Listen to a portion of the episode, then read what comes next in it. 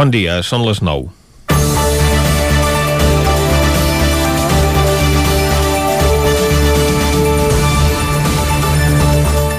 D'aquí a una estona comencen al Tribunal Superior de Justícia de Catalunya les vistes orals contra els recursos presentats per l'Assemblea Nacional Catalana per les resolucions que la Junta Electoral Provincial de Barcelona va emetre prohibint les concentracions que aquesta organitzava durant la campanya electoral de les eleccions del 14 de febrer. No eren concentracions que tinguessin un marcat caràcter polític, sinó que eren en defensa de la democràcia i la llibertat d'expressió i contra la repressió. Però ja se sap que els tribunals no veuen igual les coses en funció de qui ho convoqui. Ahir al matí la mateixa assemblea va omplir la plaça de Sant Jaume per exigir a la majoria independentista del Parlament que faci efectiu el 52% dels vots que van obtenir i estableixi un full de ruta per aconseguir la independència.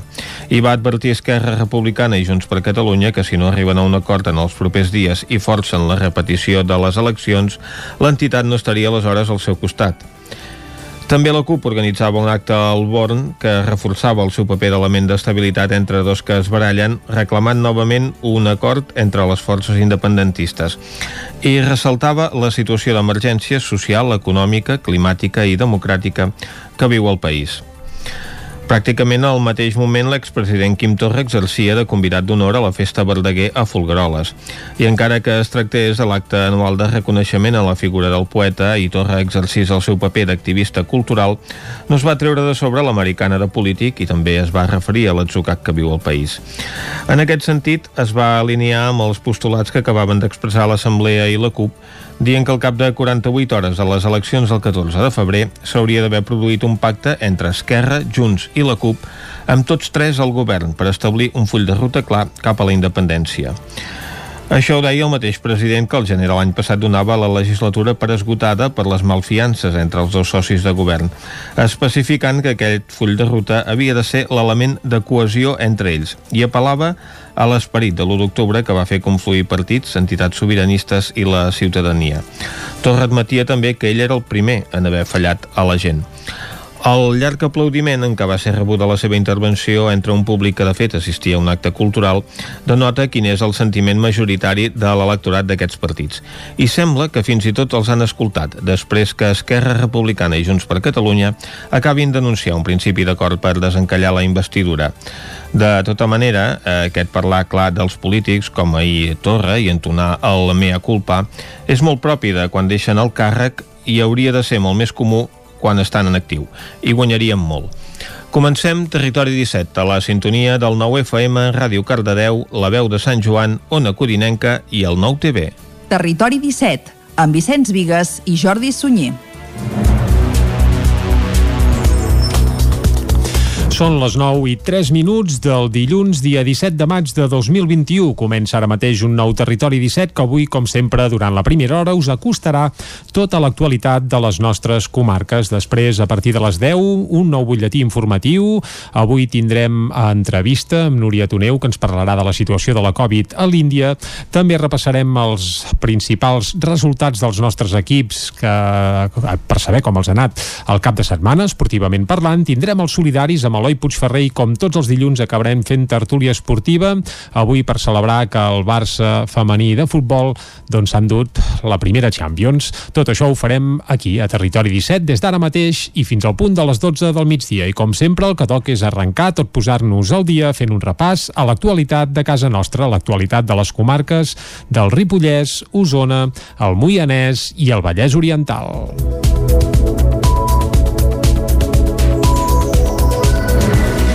Participació baixa i pocs positius en els cribatges massius de coronavirus amb automostra nasal que es van fer la setmana passada en sis poblacions a la Catalunya central, entre les quals Torelló. En les 46 proves registrades a Torelló en el cribratge que hi va començar dimecres de la setmana passada no es va trobar cap cas de Covid-19. Al municipi torellonenc, l'únic d'Osona on s'hi feia un testatge d'aquestes característiques, les proves d'automostra ja es donen per acabades ja que la incidència del virus hi ha baixat notablement. Aquesta setmana la demarcació demarcació de la Catalunya Central, la campanya continuarà només a Artés i a Solsona. Un 35% dels habitants del Ripollès ja han rebut almenys la primera dosi de la vacuna. Isaac Muntades, des de la veu de Sant Joan. El ritme de vacunació al Ripollès es va accelerant per moments i ja hi ha almenys un 35% de la població de la comarca, unes 8.859 persones, a qui se'ls hi ha administrat la primera dosi del vaccí contra el coronavirus. Aquesta xifra cau gairebé fins a la meitat si només es tenen en compte les persones que ja han rebut la pauta completa de la vaccinació. En total n'hi ha 4.618, que equivalen a un 18,2% dels habitants. El procés de vacunació és imprescindible per poder immunitzar tota la població del virus i és una tasca que sol recaure en les infermeres. Dimecres passat va ser el Dia Internacional de la Infermera. Podem escoltar reivindicant la professió i demanant que se les valori més a la infermera Corretorns Elsa Pujals, a la infermera d'atenció primària Mireia Vinyes i a la infermera quirúrgica Amparo Sallés per aquest ordre. Jo vaig ser infermeria perquè m'agrada molt el contacte amb la gent i poder-la ajudar.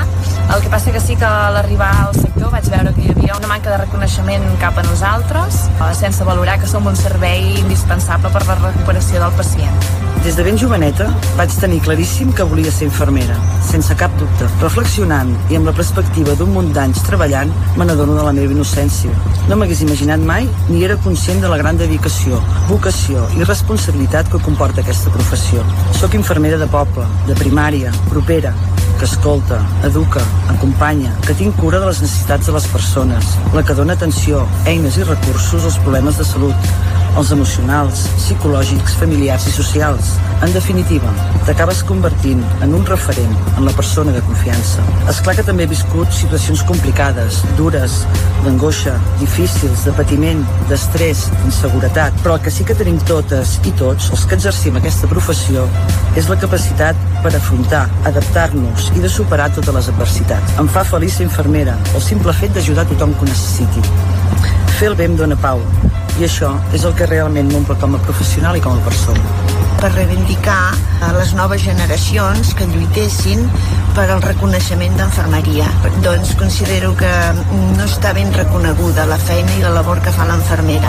Tinc plena confiança amb les noves generacions. De fet, amb motiu d'aquesta data, la cuinera Ada Parellada del restaurant Semproniana va fer una conferència dimecres al Centre Cívic La Confiança de Can de Bànol dirigida als professionals de l'hospital. Parlant del centre hospitalari, la situació s'ha estabilitzat en els últims dies i continuen havent 12 persones ingressades, de les quals n'hi ha 7 que es troben a la secció d'aguts amb la infecció activa i 5 a l'àrea de sociosanitari recuperant-se de la infecció. Des de l'inici de la crisi, l'Hospital Comarcal del Ripollès ha diagnosticat 895 casos dels 2.586 que s'han detectat a la comarca, un 10,2% dels seus habitants, i ha donat d'alta a 276 pacients. A més, el Ripollès ja registra un total de 81 defuncions per Covid-19. En canvi, la situació epidemiològica ha empitjorat lleugerament. Per exemple, el risc de rebrot ha crescut una mica passant de 218 a 231. Per contra, la RT o taxa de propagació del virus sí que ha crescut amb més intensitat i ja és d'1,06 quan fa pocs dies se situava en 0,87 punts. No tot són notícies negatives, ja que, per exemple, els casos detectats per PCR o test d'antígens han baixat de 26 a 24 en una setmana i la taxa de positivitat ja és del 5,91% i cada cop s'acosta més al desitjat 5%.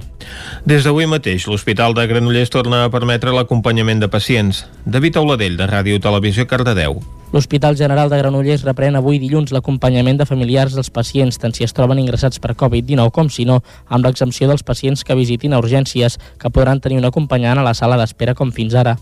Segons ha comunicat el centre, aquesta informació es mantindrà actualitzada segons el moment epidemiològic en què es trobi l'hospital. A més, l'actualització de la normativa d'accessos va acompanyada d'un document de compromís d'autoresponsabilitat en el qual s'esmenten les mesures de prevenció necessàries per realitzar un acompanyament sense risc per a pacients i familiars. A més, es recomana que l'acompanyant del pacient hospitalitzat sigui sempre la mateixa persona. Tres mesos després de la sala a la comissaria de Vic, la directora de la regió policial central dels Mossos d'Esquadra, Cristina Manresa, ha fet balanç dels incidents en una entrevista al 9-9. També ha parlat del fenomen de la multireincidència a la qual s'atribueixen els autors de robatoris com els que s'han viscut les últimes setmanes al centre de Vic. Cristina Manresa és la directora de la regió policial central dels Mossos d'Esquadra des de finals de l'any passat. El càrrec l'ha portat a encarar situacions inèdites com la sala ara fa tres mesos a la comissaria de Vic. Segons les investigacions del cos, la sal no estava preparat i no té per què repetir-se. Jo porto 31 anys en l'organització i no ens havia passat mai crec que és fruit d'un moment concret d'esclat social, de, de gent que va sortir al carrer de, de tota la, de la pandèmia, la gent està tancada, molta incertesa, s'han sentit molt vulnerables, eh, pensem que no ha de tornar, que va, fer, va ser un fet puntual, que no s'ha de tornar a produir davant l'increment de robatoris de les últimes setmanes, el centre de Vic, Manresa, entén la impotència que poden arribar a sentir les víctimes en veure que, malgrat ser detinguts, al cap de pocs dies els autors tornen a ser al carrer per sovint tornar a delinquir. Quan són petits delictes, el que passa que la causa s'acumula i sí que potser al cap d'un temps aquella causa es fa gran i aquella persona acaba doncs, eh, ingressant a, a presó. Eh, jo sempre dic que és, eh, és un tema que s'ha de tractar, sí, des de la policia i sí que hem d'anar fent detencions, però també demano a altres institucions que puguem treballar aquest tema de la petita multireincidència dels petits delictes des d'altres vessants més socials. A Osona actualment hi ha 131 efectius de Mossos d'Esquadra i 8 agents en pràctiques. Per tal de tenir més presència als pobles més petits, una queixa recurrent de les alcaldies, el cos espera créixer amb les noves promocions de l'Escola de la Policia. La rotonda d'entrada Sant Feliu de Codines llueix des d'ahir un rellotge monumental de disseny. La 25a edició de la Fira del Rellotge, però, a causa de les restriccions a la Covid, no es celebrarà fins al proper 12 de setembre. Caral Campàs, des d'Ona Codinenca. En motiu i commemoració de la 25a Fira del Rellotge, aquest diumenge a les 12 del migdia es va inaugurar l'escultura d'un rellotge de ferro a la rotonda d'entrada des de la C59 a Sant Feliu de Codines amb la presència d'una cinquantena de persones. El dissenyador de la, del rellotge ha sigut el Sant Feliuenc Miquel Turà. Però des de l'inici eh, el que vaig entendre és que s'havia de fer un, un disseny per un rellotge que fos popular, que, que l'entengués tothom, eh, gent que està més aficionada al món dels rellotges i gent que no, i sobretot com que és un punt de, de Sant Feliu on s'arriba, que hi ha molt bones vistes, doncs havia de ser alguna que no interferís amb aquestes vistes. I aleshores, doncs, això, tant la tipografia com, com el disseny eh, és bastant neutre. Després de la inauguració es va presentar la segona part del llibre Memòria de la Fira a la sala de plens de l'Ajuntament. Judit Meia és l'autora del llibre, on recull la història dels darrers 15 anys de la Fira uh, bueno, doncs això, recollir els, els 15 anys seguint una mica la línia de, de la primera edició, diguéssim, dels primers 10, i recull de, dels, bueno, dels escrits de, de què anava dedicada la fira cada any, amb les diferents imatges, i escrits de, de gent que hi ha col·laborat, i una mica això. L'acte institucional va comptar amb la presència de l'alcaldessa Mercè Serratacó, entre d'altres personalitats polítiques del poble, i Josep Vilanova, president de l'Associació Fira del Rellotge de Catalunya. També hi van participar Emili Rosat, eh, director general de Factor Energia, i Roman Rosat, director de Connecta 2, dues de les empreses que han finançat part del rellotge. Paral·lelament, durant tot el cap de setmana, la plaça Josep Humbert Ventura va acollir una exposició record amb fotografies de totes les fires del rellotge celebrades fins a dia d'avui. Tots aquests actes s'han realitzat de forma simbòlica per la suspensió de la fira que se celebrarà oficialment el pròxim 12 de setembre. A partir de llavors es submetrà a decisió popular la permanència de l'escultura en aquell espai. Les avaries que el temporal Glòria va provocar el gener de l'any passat van deixar sense aigua potable als hostalets de Balanyà, l'únic poble de la zona que no disposa de dipòsit. O sí, perquè de dipòsit n'hi ha un d'inactiu que ara es pretén reactivar. Aquell dipòsit s'havia de situar a una cota de 600 metres al costat dels pantans de Valllocera perquè l'aigua pogués baixar per gravetat a tot el poble. La zona, però, estava en terme municipal de Ceba i el seu alcalde, aleshores, Josep Palmerola, s'hi va oposar. El Consell Comarcal va cedir i llavors va traslladar el dipòsit a uns terrenys terrenys qualificats de zona verda que l'Ajuntament de Balanyà acabava d'obtenir en fer-se el polígon al costat del convent de les monges, malgrat que el pressupost es disparava un 50% de 60 a 90 milions de pessetes, uns 540.000 euros. El nou dipòsit, però, situat a una cota de 580 metres, només permetia que l'aigua baixés per gravetat a la urbanització sud i mai es va posar en funcionament. L'avaria de fa poc més d'un any arran del temporal Glòria va reactivar el debat sobre la necessitat de comptar amb una reserva d'un dia i mig de consum. Aleshores, l'Ajuntament va contractar una empresa d'enginyeria, ABM Consulting, que va trobar un emplaçament idoni perquè el dipòsit subministrés per gravetat a tot el poble. El problema, però, és que aquest punt, també de 600 metres, estava en terme del Brull i tot plegat feia que el pressupost s'enfilés a 1,3 milions d'euros.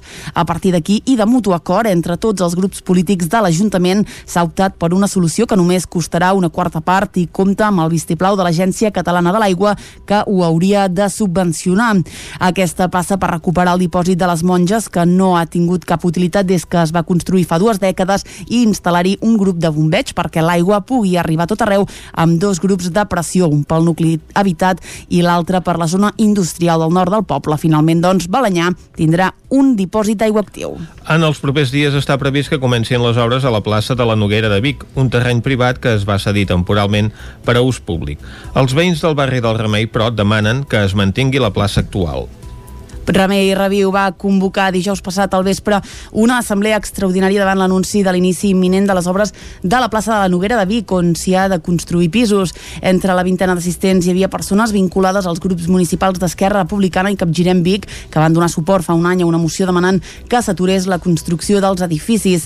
Remei Reviu s'hi oposa perquè considera que la plaça, en un terreny privat que els propietaris van cedir temporalment a l'Ajuntament perquè se'n fes ús públic, s'ha convertit en un punt de trobada al barri Marc Canyelles és membre de Remei Reviu de fer veure que, que la nostra lluita doncs, segueix viva i que, i que continuem defensant aquesta plaça i que no hi ha hagut encara una, un apropament uh, per part de, del propietari ni hi ha hagut un, un intent de negociació i, i això doncs, ho volem visualitzar. L'equip de govern defensa que el projecte de reurbanització mantindrà una part de plaça pública perquè en la negociació del nou POUM es va acordar amb la propietat reduir l'edificabilitat i canviar la disposició dels habitatges. Fabiana Palmero és la regidora d'Urbanisme de l'Ajuntament de Vic.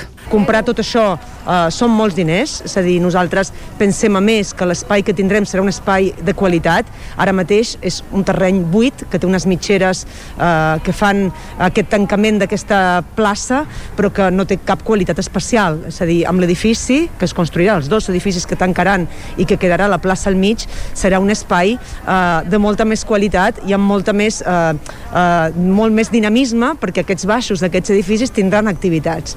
Palmero és crítica amb la posició que tenen Esquerra i Capgirem Vic respecte a la plaça de la Noguera perquè diu que el projecte es va debatre al POUM. També assegura que, de la mateixa manera que hi ha veïns contraris a la construcció dels pisos, també n'hi ha que veuen bé l'actuació que s'hi farà. I fins aquí el butlletí informatiu que us hem ofert amb Vicenç Vigues, Clàudia Dinarès, David Auladell, Caral Campàs i Isaac Muntades. Ara és moment pel temps.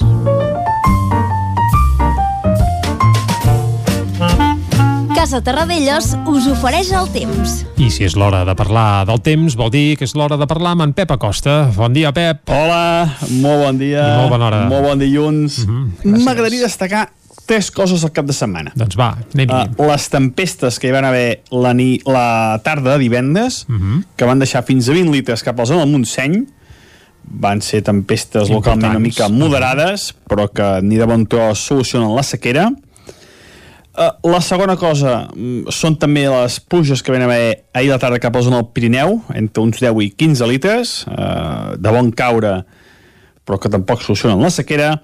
I la tercera cosa són les altes temperatures eh, que hem tingut eh, dissabte i diumenge. Eh? Les temperatures van disparar a uns 28-29 graus en moltes poblacions, si bé la majoria entre els 25 i els 26, però vaja, unes temperatures ja gairebé d'estiu. Es, van, es van disparar, va bufar vent de ponent, i aquest vent de ponent és molt important a l'hora de disparar les temperatures, sobretot a la zona prelitoral.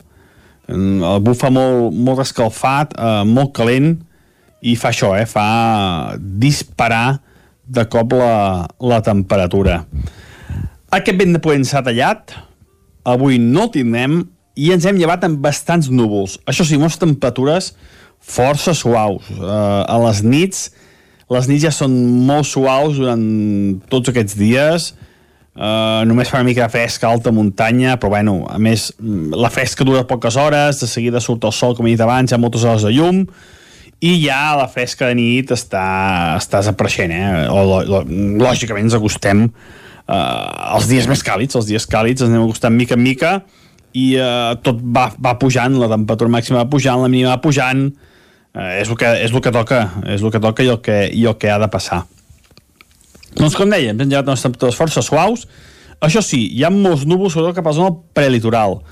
Molts núvols i fins i tot no es descarten quatre gotes aquest matí. de molt poca importància, molt poca durada i que eh, acumularan eh, quantitats molt petites de precipitació. Si és que arriben a caure, hi ha petita possibilitat aquesta, però no és del tot segur. Això sí, eh, l'ambient serà bastant tapat, molts núvols, però poca pluja en general i en particular, amb les dues versions, poca pluja.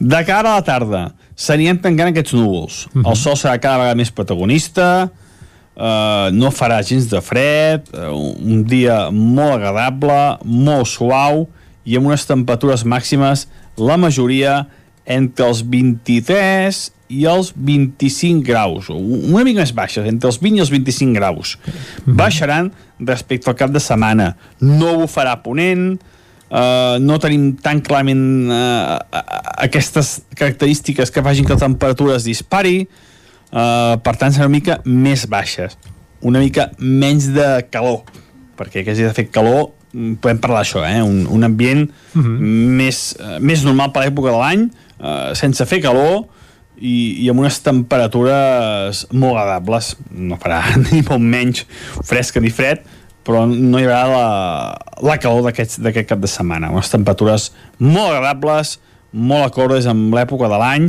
i que tots podem disfrutar plenament uh, si faig un petit avançament de la setmana Va, mm, com la veus? serà una setmana uh mhm. -huh. una mica inestable uh mhm. -huh. amb algunes tempestes i amb unes temperatures sembla eh, molt a ratlla. No, no arribarem als 30 graus cap dia, però bueno, eh, eh, no, és difícil fer pronòstics a, a mitjà termini a aquestes dates i d'un dia per l'altre poden variar molts mapes i, i vés a saber què acaba passant. Per això, eh, dia a dia aniré explicant el temps com faig eh, cada setmana. Estarem al cas, i tant. Moltes gràcies i a disfrutar aquest dilluns.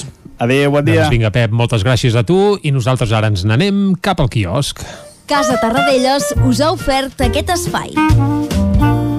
Territori 17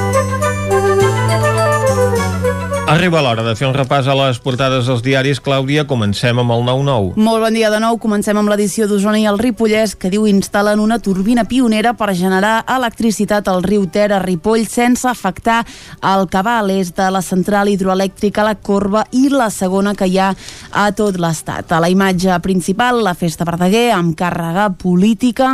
Els Mossos calculen que la xarxa que falsificava carnets de conduir va obtenir 7 milions d'euros i la l'alcaldessa de Set Cases es queda sola a l'equip de govern. Anem a l'edició del Vallès Oriental que diu els Mossos desallotgen un bloc de Canovelles que havia ocupat la PA el dia abans. Tres persones van estar detingudes, unes hores acusades d'atemptats als agents.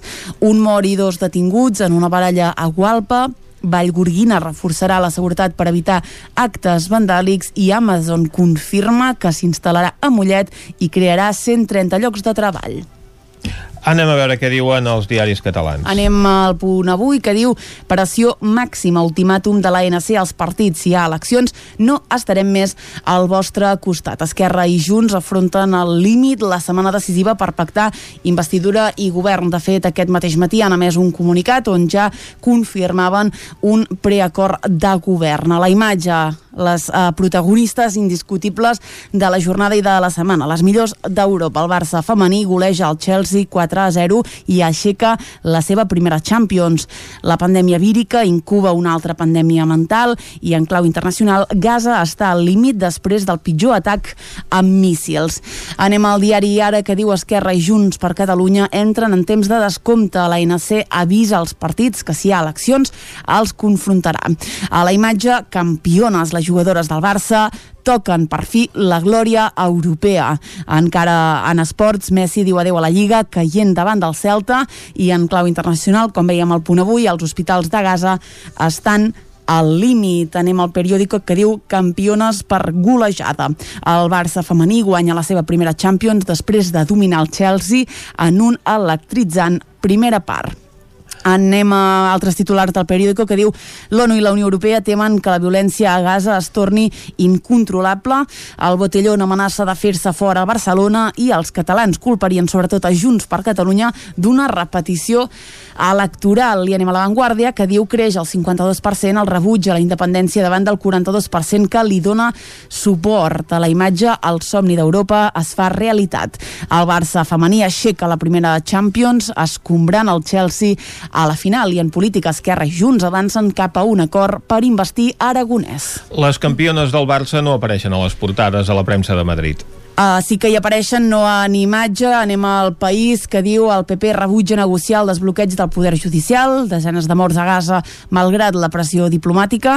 En esports a la imatge, l'Atlètic a un pas de la Lliga després d'una victòria in extremis davant de l'Ossassuna. Apareixen en una imatge però molt més petita que la, la dels jugadors de l'Atlètic. Diu el Barça, primer equip espanyol en guanyar la Champions femenina a l'atropellar al Chelsea. Apareixen però en una uh, tercera o quarta posició. Anem al Mundo que diu el govern anima els seus socis a abordar la reforma constitucional. L'executiu impulsa una modificació que portarà al Congrés per retirar del text el terme disminuït. A la imatge, una final de bogeria. L'Atlètic remunta en 6 minuts i el Real Madrid venç el Bilbao i manté les seves opcions. Aquí no hi apareixen les noies del Barça. Anem a la raó que diu Rivera planta Ciutadans per Casado en la seva convenció.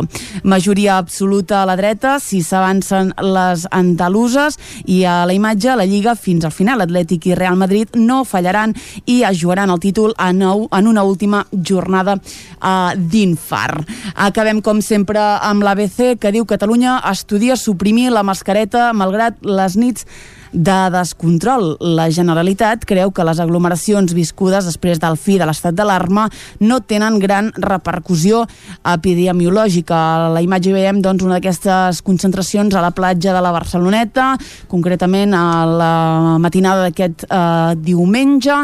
I un últim titular, i ho deixem aquí, el govern es volca amb el tren i castiga el cotxe i l'avió.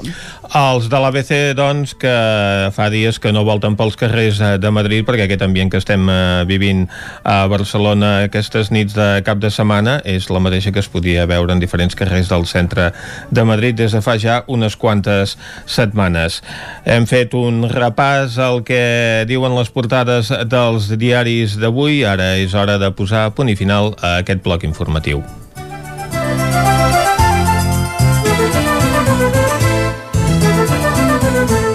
Territori 17 El nou FM, la ràdio de casa, al 92.8. Automòbils Pla de Vall. Som una empresa familiar amb 36 anys d'experiència en la compra-venda de cotxes nous, seminous i d'ocasió. Els nostres vehicles són completament revisats abans de la seva entrega al client, amb els manteniments al dia i amb garantia personalitzada. Finançament a mida del client. Vine a Automòbils Pla de Vall i t'assessorarem. Som a la carretera de la Guixa, número 1719 de Vic. La Cakery. Pastissos personalitzats, galetes, cookies, brownies i molt més. Ens trobaràs a Vic, al carrer de Gurb 34 Baixos, al telèfon 93 886 70 51 i també a Instagram i Facebook. Mudances a la carta. Som especialistes en muntatge i desmuntatge de mobles. Oferim servei de guardamobles i fem mudances a tot el territori. Trasllats de pianos i peces delicades i també fem embalatge i protegim. Mudances a la carta. Serveis adaptats a cada client. Ens trobaràs al telèfon 605 04 34 75. Armínia Pineda, tot en tèxtils per a la decoració. T'ajudem a aconseguir l'ambient que tu vulguis. Disposem d'un gran assortit de teles, coixins i roba mida per autocaravanes. Armínia Pineda, som al carrer de la Bòbila número 1 dels Hostalets de Balanya. Cocodril Club. Si t'agrada la bona música dels anys 60, 70 i 80, escolta el 9 FM als matins de dissabtes i diumenges d'11 a 1. És el temps del Cocodril Club, tot un clàssic de la ràdio, amb les bases del pop-rock, les llegendes, les cançons que s'han convertit en autèntics himnes. Recorda, dissabtes i diumenges al matí, d'11 a 1, al 9 FM 92.8. Cocodril Club, el programa revival de l'Albert Malla. Hasta luego, cocodrilo. Xalant Moda i Complements. Nova temporada primavera-estiu. Moda home-dona, nen-nena, sabates, bosses de mà, maletes, complements i molt més. Vine a veure, ens trobaràs una secció d'ofertes amb roba de la temporada passada a 10 euros i 19 euros. Vine a Can Xalant, ens trobaràs al carrer Sant Tomàs número 6 de Call d'Atenes. També a Instagram i Facebook. Cada joia és un art. Joier J. Garcia, taller propi de joieria i rellotgeria. Joies úniques, peces artesanals, dissenys exclusius i personalitzats. Rellotges, anells, braçalets i molt més. Joier J. Garcia, ens trobaràs a la Rambla de Vallada 6 i a la carretera de la Guixa 10 de Vic i a Tona, al carrer Barcelona número 17. També a Instagram i a jgarciajoyer.com.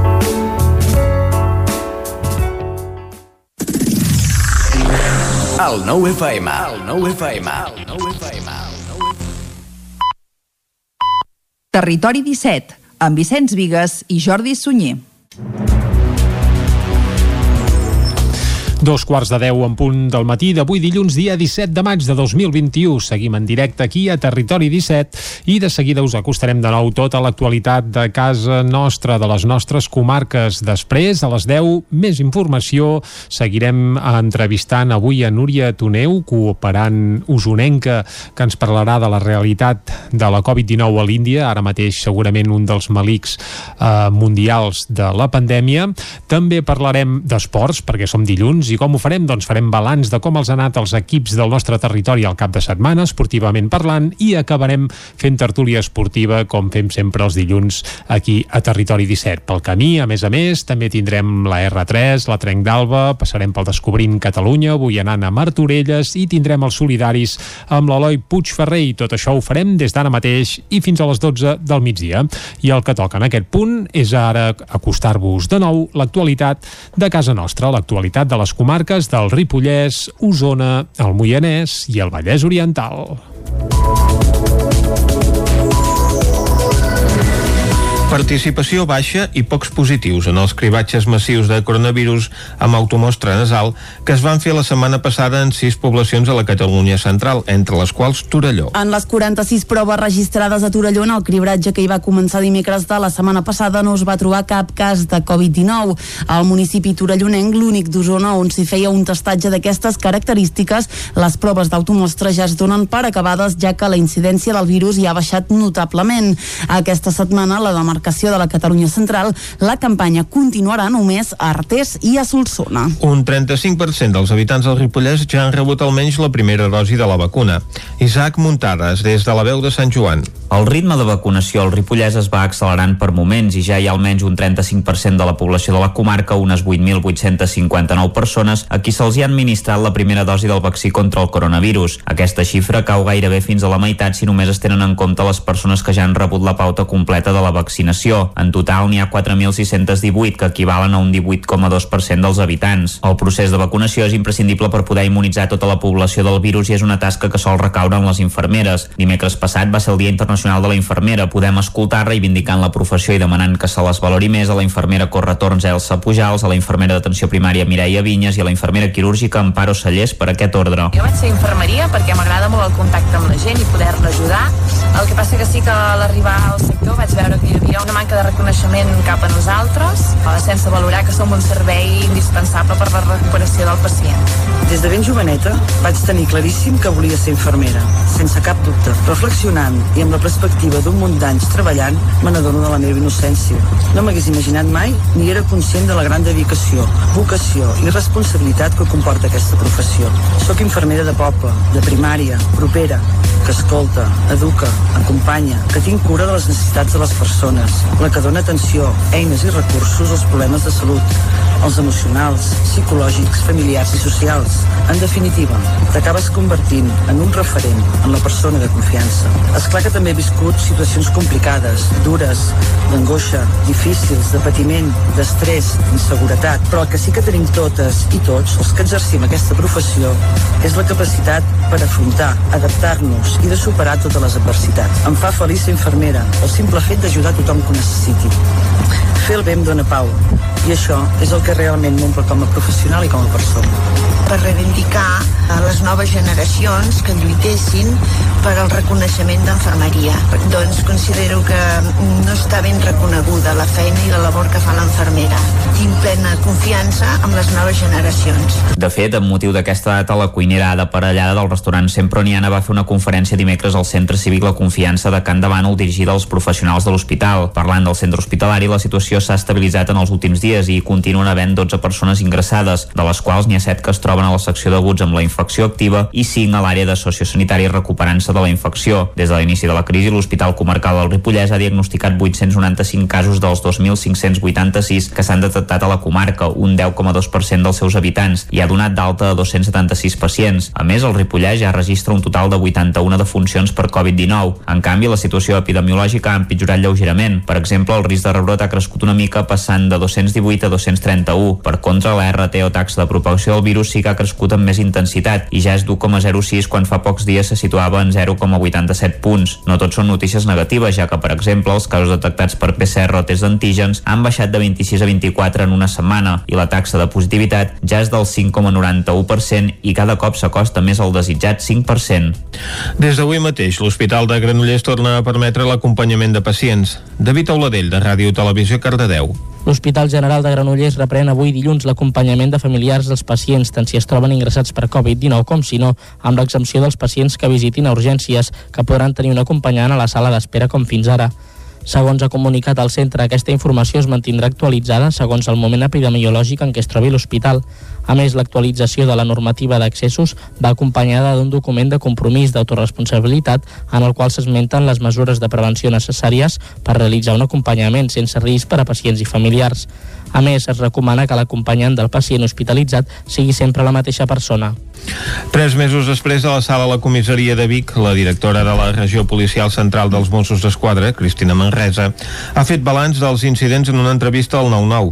També ha parlat del fenomen de la multireincidència a la qual s'atribueixen els autors de robatoris com els que s'han viscut les últimes setmanes al centre de Vic. Cristina Manresa és la directora de la regió policial central dels Mossos d'Esquadra des de finals de l'any passat. El càrrec l'ha portat a encarar situacions inèdites com la sala ara fa tres mesos a la comissaria de Vic. Segons Segons les investigacions del cos, la sal no estava preparat i no té per què repetir-se. Jo porto 31 anys en l'organització i no ens havia passat mai. Crec que és fruit d'un moment concret d'esclat social, de, de gent que va sortir al carrer de, de tota la, de la pandèmia, la gent està tancada, molta incertesa, s'han sentit molt vulnerables.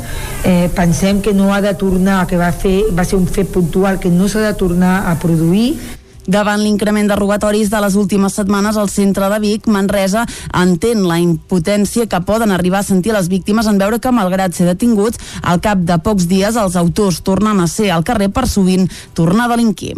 Quan són petits delictes, el que passa que la causa s'acumula i sí que potser al cap d'un temps aquella causa es fa gran i aquella persona acaba doncs, eh, ingressant a, a presó Eh, jo sempre dic que és, eh, és un tema que s'ha de tractar, sí, des de la policia i sí que hem d'anar fent detencions, però també demano a altres institucions que puguem treballar aquest tema de la petita multireincidència dels petits delictes des d'altres vessants més socials. A Osona actualment hi ha 131 efectius de Mossos d'Esquadra i 8 agents en pràctiques. Per tal de tenir més presència als pobles més petits, una queixa recurrent de les alcaldies, el cos espera créixer amb les noves promocions de l'Escola de la Policia. La rotonda d'entrada Sant Feliu de Codines llueix des d'ahir un rellotge monumental de disseny. La 25a edició de la Fira del Rellotge, però, a causa de les restriccions a la Covid, no es celebrarà fins al proper 12 de setembre. Caral Campàs, des d'Ona Codinenca. En motiu i commemoració de la 25a Fira del Rellotge, aquest diumenge a les 12 del migdia es va inaugurar l'escultura d'un rellotge de ferro a la rotonda d'entrada des de la C59 a Sant Feliu de Codines amb la presència d'una cinquantena de persones. El dissenyador de la, del rellotge ha sigut el Sant Feliuenc Miquel Turà. Però des de l'inici eh, el que vaig entendre és que s'havia de fer un, un disseny per un rellotge que fos popular, que, que l'entengués tothom, eh, gent que està més aficionada al món dels rellotges i gent que no, i sobretot com que és un punt de, de Sant Feliu on s'arriba, que hi ha molt bones vistes, doncs havia de ser alguna que no interferís en aquestes vistes. I aleshores, doncs, això, tant la tipografia com, com el disseny, eh, és bastant neutre. Després de la inauguració es va presentar la segona part del llibre Memòria de la Fira a la sala de plens de l'Ajuntament. Judit Meia és l'autora del llibre, on recull la història dels darrers 15 anys de la Fira. Uh, bueno, doncs això, recollir els, els 15 anys seguint una mica la línia de, de la primera edició, diguéssim, dels primers 10, i recull de, dels, bueno, dels escrits de, de què anava dedicada a la fira cada any, amb les diferents imatges, i escrits de, de gent que hi ha col·laborat, i una mica això. L'acte institucional va comptar amb la presència de l'alcaldessa Mercè Serratacó, entre d'altres personalitats polítiques del poble, i Josep Vilanova, president de l'Associació Fira del Rellotge de Catalunya. També van participar Emili Rosat, eh, director general de Factor Energia, i Roman Rosat, director de Connecta 2, dues de les empreses que han finançat part del rellotge. Paral·lelament, durant tot el cap de setmana, la plaça Josep Humbert Ventura va acollir una exposició record amb fotografies de totes les fires del rellotge celebrades fins a dia d'avui. Tots aquests actes s'han realitzat de forma simbòlica per la suspensió de la fira que se celebrarà oficialment el pròxim 12 de setembre. A partir de llavors es submetrà a decisió popular la permanència de l'escultura en aquell espai. Les avaries que el temporal Glòria va provocar el gener de l'any passat van deixar sense aigua potable els hostalets de Balanyà, l'únic poble de la zona que no disposa de dipòsit. O sí, perquè de dipòsit n'hi ha un d'inactiu que ara es pretén reactivar. Aquell dipòsit s'havia de situar a una cota de 600 metres al costat dels pantans de Valllocera perquè l'aigua pogués baixar per gravetat a tot el poble. La zona, però, estava en terme municipal de Ceba i el seu alcalde, aleshores, Josep Palmerola, s'hi va oposar. El Consell Comarcal va cedir i llavors va traslladar el dipòsit a uns terrenys qualificats de zona verda que l'Ajuntament de Balanyà acabava d'obtenir en fer-se el polígon al costat del convent de les monges, malgrat que el pressupost es disparava un 50% de 60 a 90 milions de pessetes, uns 540.000 euros. El nou dipòsit, però, situat a una cota de 580 metres, només permetia que l'aigua baixés per gravetat a la urbanització sud i mai es va posar en funcionament. L'avaria de fa poc més d'un any arran del temporal Glòria va reactivar el debat sobre la necessitat de comptar amb una reserva d'un dia i mig de consum. Aleshores, l'Ajuntament va contractar una empresa d'enginyeria, ABM Consulting, que va trobar un emplaçament idoni perquè el dipòsit subministrés per gravetat a tot el poble.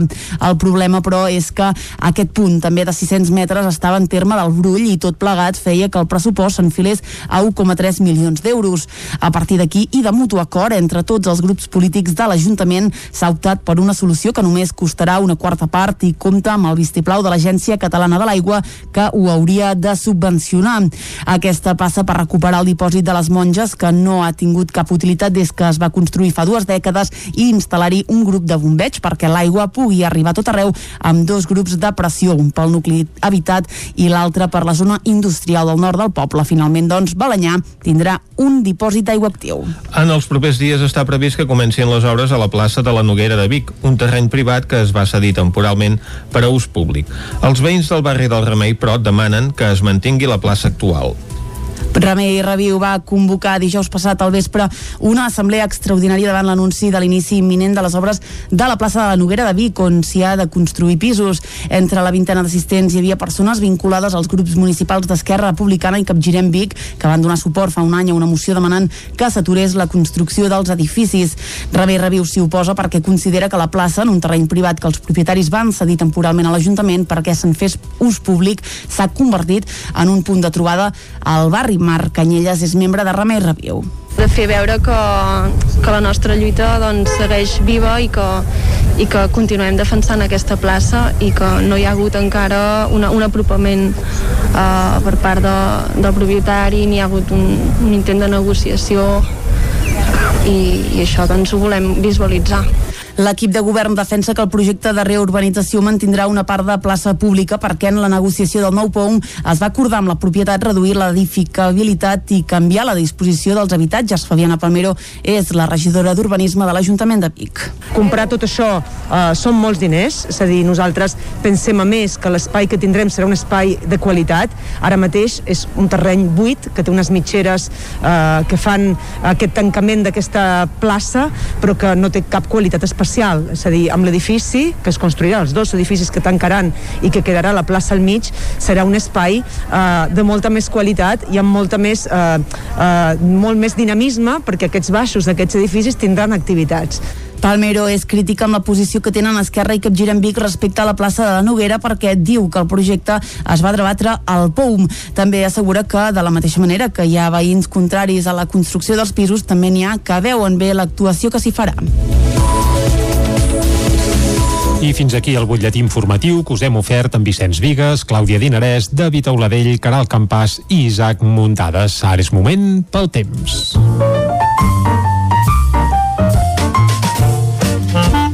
Casa Terradellos us ofereix el temps. I si és l'hora de parlar del temps, vol dir que és l'hora de parlar amb en Pep Acosta. Bon dia, Pep. Hola, molt bon dia. Molt bona hora. Molt bon dilluns. Mm -hmm, M'agradaria destacar tres coses al cap de setmana. Doncs va, anem uh, Les tempestes que hi van haver la, ni, la tarda de divendres, uh -huh. que van deixar fins a 20 litres cap a la zona del Montseny, van ser tempestes Importants. localment una mica moderades, però que ni de bon tros solucionen la sequera.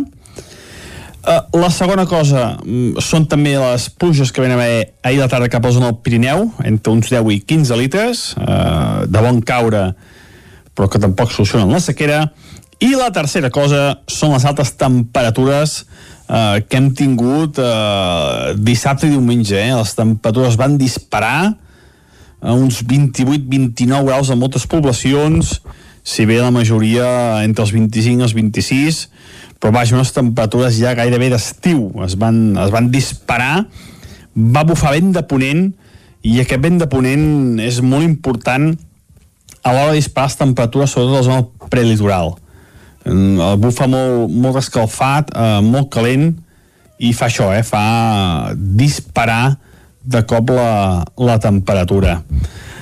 Aquest vent de ponent s'ha tallat, avui no el tindrem, i ens hem llevat amb bastants núvols. Això sí, unes temperatures força suaus. Eh, a les nits, les nits ja són molt suaus durant tots aquests dies, Uh, només fa una mica de fresca alta muntanya, però bueno, a més, la fresca dura poques hores, de seguida surt el sol, com he dit abans, hi ha moltes hores de llum, i ja la fresca de nit està, està desapareixent, eh?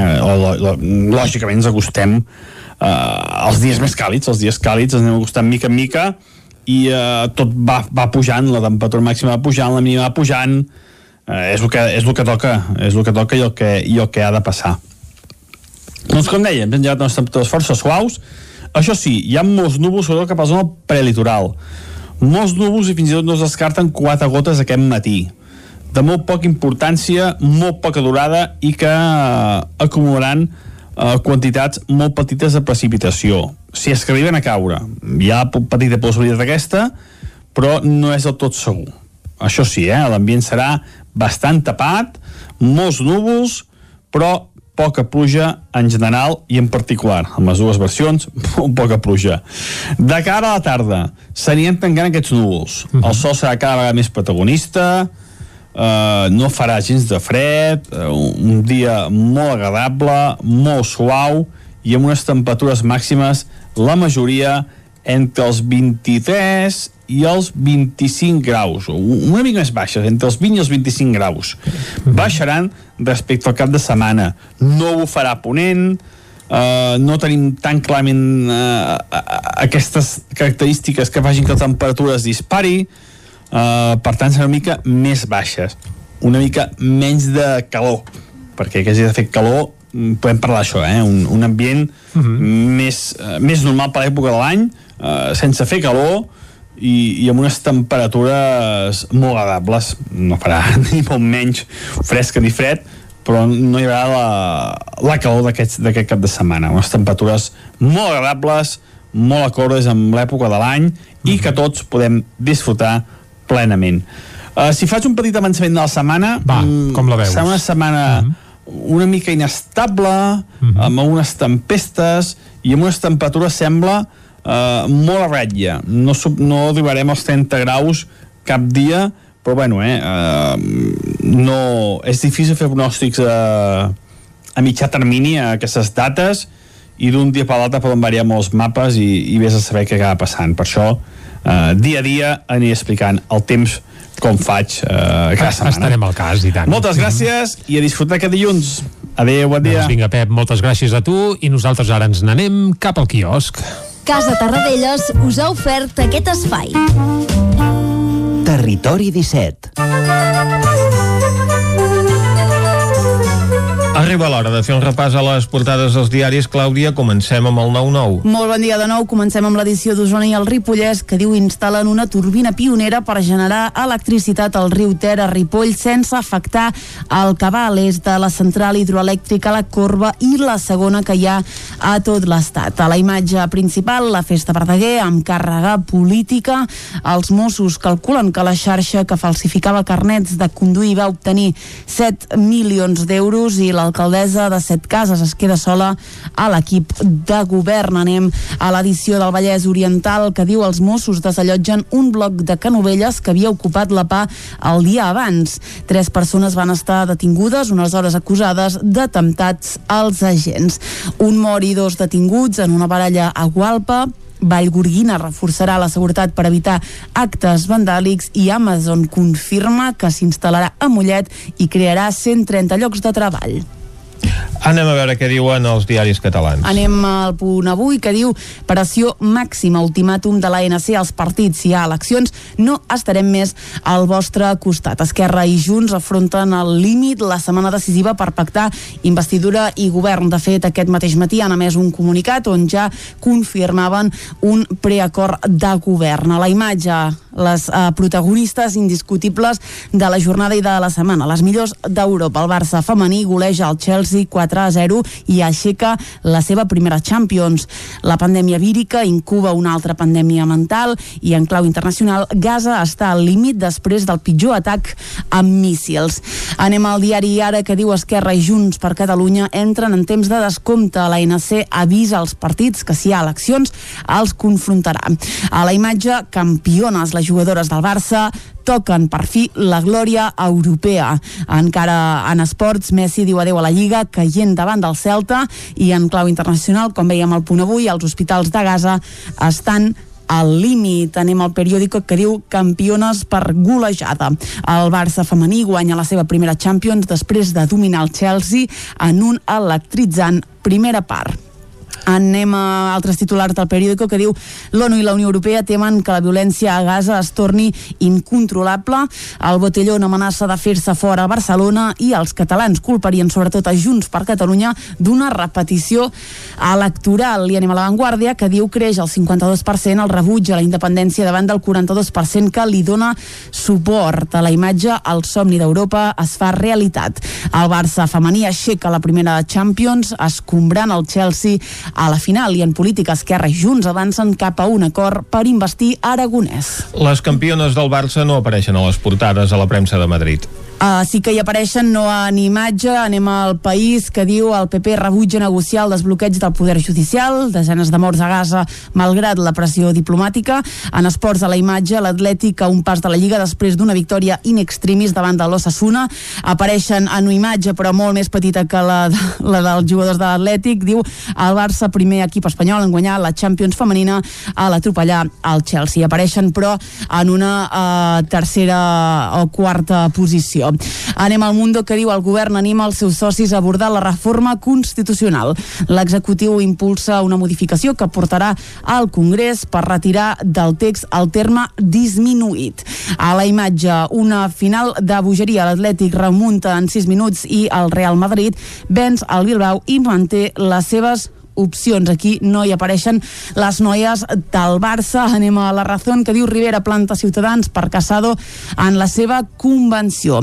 Majoria absoluta a la dreta si s'avancen les andaluses i a la imatge la Lliga fins al final. Atlètic i Real Madrid no fallaran i es jugaran el títol a nou en una última jornada uh, d'infart. Acabem com sempre amb l'ABC que diu Catalunya estudia suprimir la mascareta malgrat les nits de descontrol. La Generalitat creu que les aglomeracions viscudes després del fi de l'estat d'alarma no tenen gran repercussió epidemiològica. A la imatge veiem doncs, una d'aquestes concentracions a la platja de la Barceloneta, concretament a la matinada d'aquest eh, diumenge, i un últim titular, i ho deixem aquí, el govern es volca amb el tren i castiga el cotxe i l'avió. Els de l'ABC, doncs, que fa dies que no volten pels carrers de Madrid perquè aquest ambient que estem eh, vivint a Barcelona aquestes nits de cap de setmana és la mateixa que es podia veure en diferents carrers del centre de Madrid des de fa ja unes quantes setmanes. Hem fet un repàs al que diuen les portades dels diaris d'avui, ara és hora de posar punt i final a aquest bloc informatiu. Doncs, Vicenç, punt i final al bloc informatiu. Recordant això que deies, eh, que a Madrid la memòria és molt feble, eh? Sí. això, és, això és ben cert. A més a més, amb una d'aquelles imatges que ells no podran eh, tenir mai, que és eh, gent doncs, gaudint de la nit a la platja. Sí, això en principi, a no sé que el canvi climàtic vagi a una velocitat que, que nosaltres no desitgem, eh, veig complicat que a curt termini Madrid tingui això, una, una platja. Tot Però... i que com que allà hi ha diners per tot, vés a saber, encara són capaços de fer-ne alguna. Home, si es volen banyar amb aigua salada, són capaços. Deixa'm de... dir que la platja de Madrid ja existeix, eh? És ah. amb un pantà que tenen allà a prop i d'allò i ells n'hi diuen la platja i un bon ambient que hi ha als estius també allà. Vaja, és com si nosaltres anéssim al pantà de Sau i n'hi diguéssim platja doncs té una certa retirada i s'hi banyen, etc. Però va, no, no anem a Madrid, tornem cap al territori 17 i obrim el bloc musical, un bloc musical que avui el volem, eh, diguem-ne, tenyir de record. I és que avui fa un any que ens va deixar en David Orra, aquest músic usonenc, concretament de Taradell, que segurament molts de vosaltres recordareu precisament perquè arran de, bé, de, de la seva malaltia els darrers dies, doncs el David es va fer molt i molt conegut perquè una de les seves cançons de capçalera, aquell Manfilo ben alt, ben alt uh -huh. a part d'interpretar-lo ell, el van acabar versionant patums de tota l'escena catalana. La que va tenir més ressò de versió és la que escoltarem ara perquè és, eh, el van fer conjuntament el David Torra i els gossos, uh -huh. els gossos que per cert estaven i estan inactius però van ressuscitar especialment per fer aquest eh, homenatge amb el mateix David, però després uh -huh. s'hi van afegir des de la Clara, Peia, el Peix, el Santi Carcassona, la Paula Valls, la Coloma Bertran, Senyor dels Llams, eh, el Roger Usart, el Dami Álvarez, també de Taradell, els Bois d'Am, i segurament ens en deixem, és a dir, molta més gent es va afegir... també li va dedicar algun vídeo. Correcte, molta gent mm -hmm. es van afegir a fer versions de peces seves, no només del Manfilo Benal Benal, que també, i segurament va ser la que va tenir més ressò, però bé, avui eh, ja fa un any. El temps passa molt de pressa i és per això que el volem recordar i des d'on sigui doncs, fer-li una forta abraçada recordant aquella versió que ja ha quedat eternament per la posteritat aquest manfilo ben alt, ben alt amb la veu i la guitarra d'en David però també amb l'acompanyament i l'ajuda de gossos. L'escoltem? Doncs una abraçada a la Montse i als seus fills i escoltem a David Torra. Doncs vinga, fins al punt de les 10 aquí a Territori 17 amb en David Torra.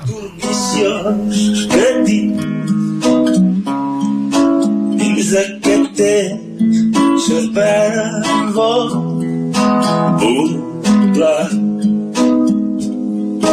bon un plat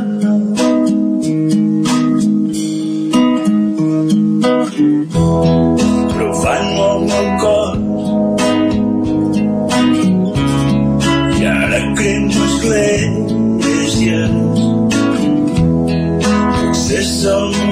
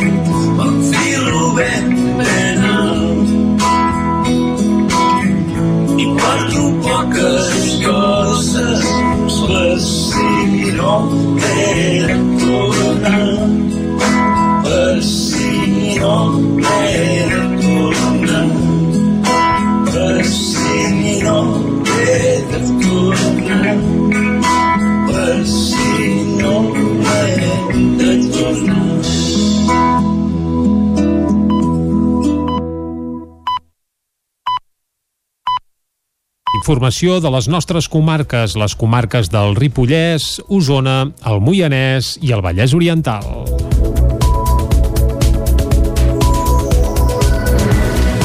El pont del ferrocarril de Ripoll s'arreglarà gràcies a una inversió d'1,2 milions d'euros.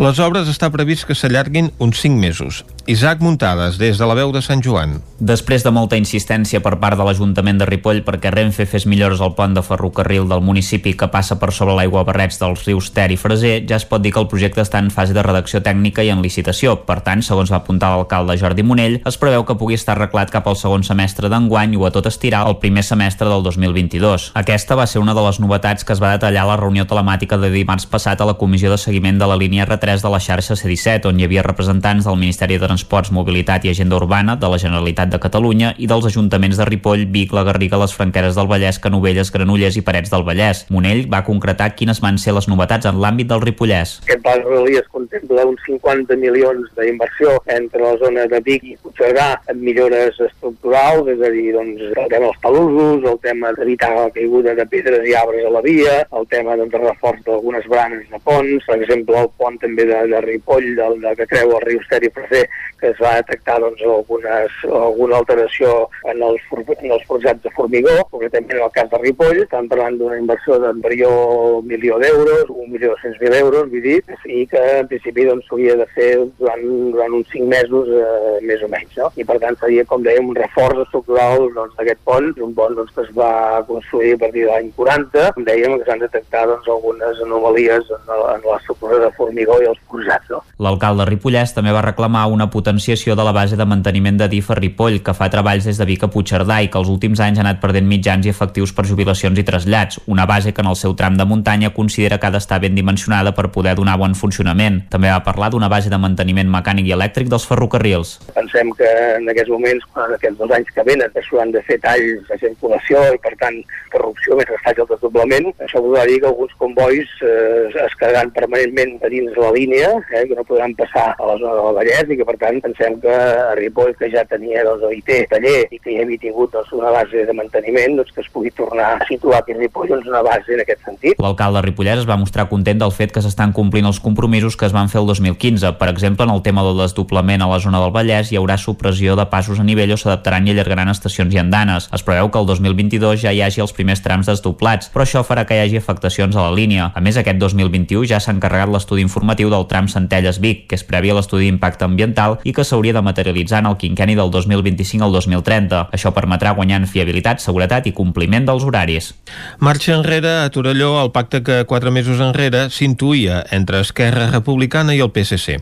La relació entre els dos grups s'ha refredat arran de les eleccions del 14F i tot apunta que ara els republicans acabaran el mandat en minoria. En aquest aspecte, les relacions amb la CUP han millorat. L'aprovació del pressupost d'aquest any, el novembre passat, quan Esquerra va comptar amb el suport dels dos regidors del PSC, obria la porta a una negociació entre republicans i socialistes cap a un possible pacte de govern. Ara, quatre mesos després i amb les eleccions al Parlament pel mig, amb dues parts admeten que les relacions s'han refredat. El PSC afegeix que els van anar donant llargues algunes propostes i els republicans ara tornen a ser partidaris de continuar governant en minoria. Més enllà del distanciament entre els dos partits a nivell nacional, s'hi afegeix un altre element i és que Esquerra hauria trobat en la CUP un altre aliat amb qui comptar amb suports puntuals per tirar endavant projectes des de fora del govern. Els socialistes es mostren decebuts perquè s'han sentit manipulats per aprovar els pressupostos. L'alcalde Marcel Ortuño admet que va haver-hi un moment que semblava que no podrien continuar governant en minoria, però en els darrers mesos un acostament amb la CUP els permet mantenir la voluntat del principi del mandat i continuar en solitari. Des de la CUP tampoc amaguen que s'ha millorat la relació, com s'ha fet notar en els darrers plens. De totes maneres, els propers dies seran clau per veure de quina manera es concreten els lligams entre Esquerra i la CUP. El pla de millora d'oportunitats educatives preveu un augment de pressupost de fins a 15.000 euros per poder atendre les necessitats dels alumnes de Sant Feliu de Codines. Caral Campàs, des d'Ona Codinenca. El consistori codinenc invertirà 15.000 euros al pla de millora d'oportunitats educatives destinat a garantir l'escolarització a alumnes amb dificultats econòmiques. La totalitat del finançament es destinarà a ampliar els reforços escolars a infants de primària i secundària dels diferents centres. Dani Fonoll, portaveu del govern municipal, detallava que inicialment ja hi havia 3.000 euros previstos i els 12.000 restants han arribat des de la Generalitat. Ens van arribar de la Generalitat un 12.000 euros que no esperàvem, pel Pla Educatiu Entorn. Llavors, el que passa que aquests 12.000 euros s'han de gastar abans d'acabar el curs, és dir, màxim a final de juliol, i només per reforç no es poden gastar absolutament per res més.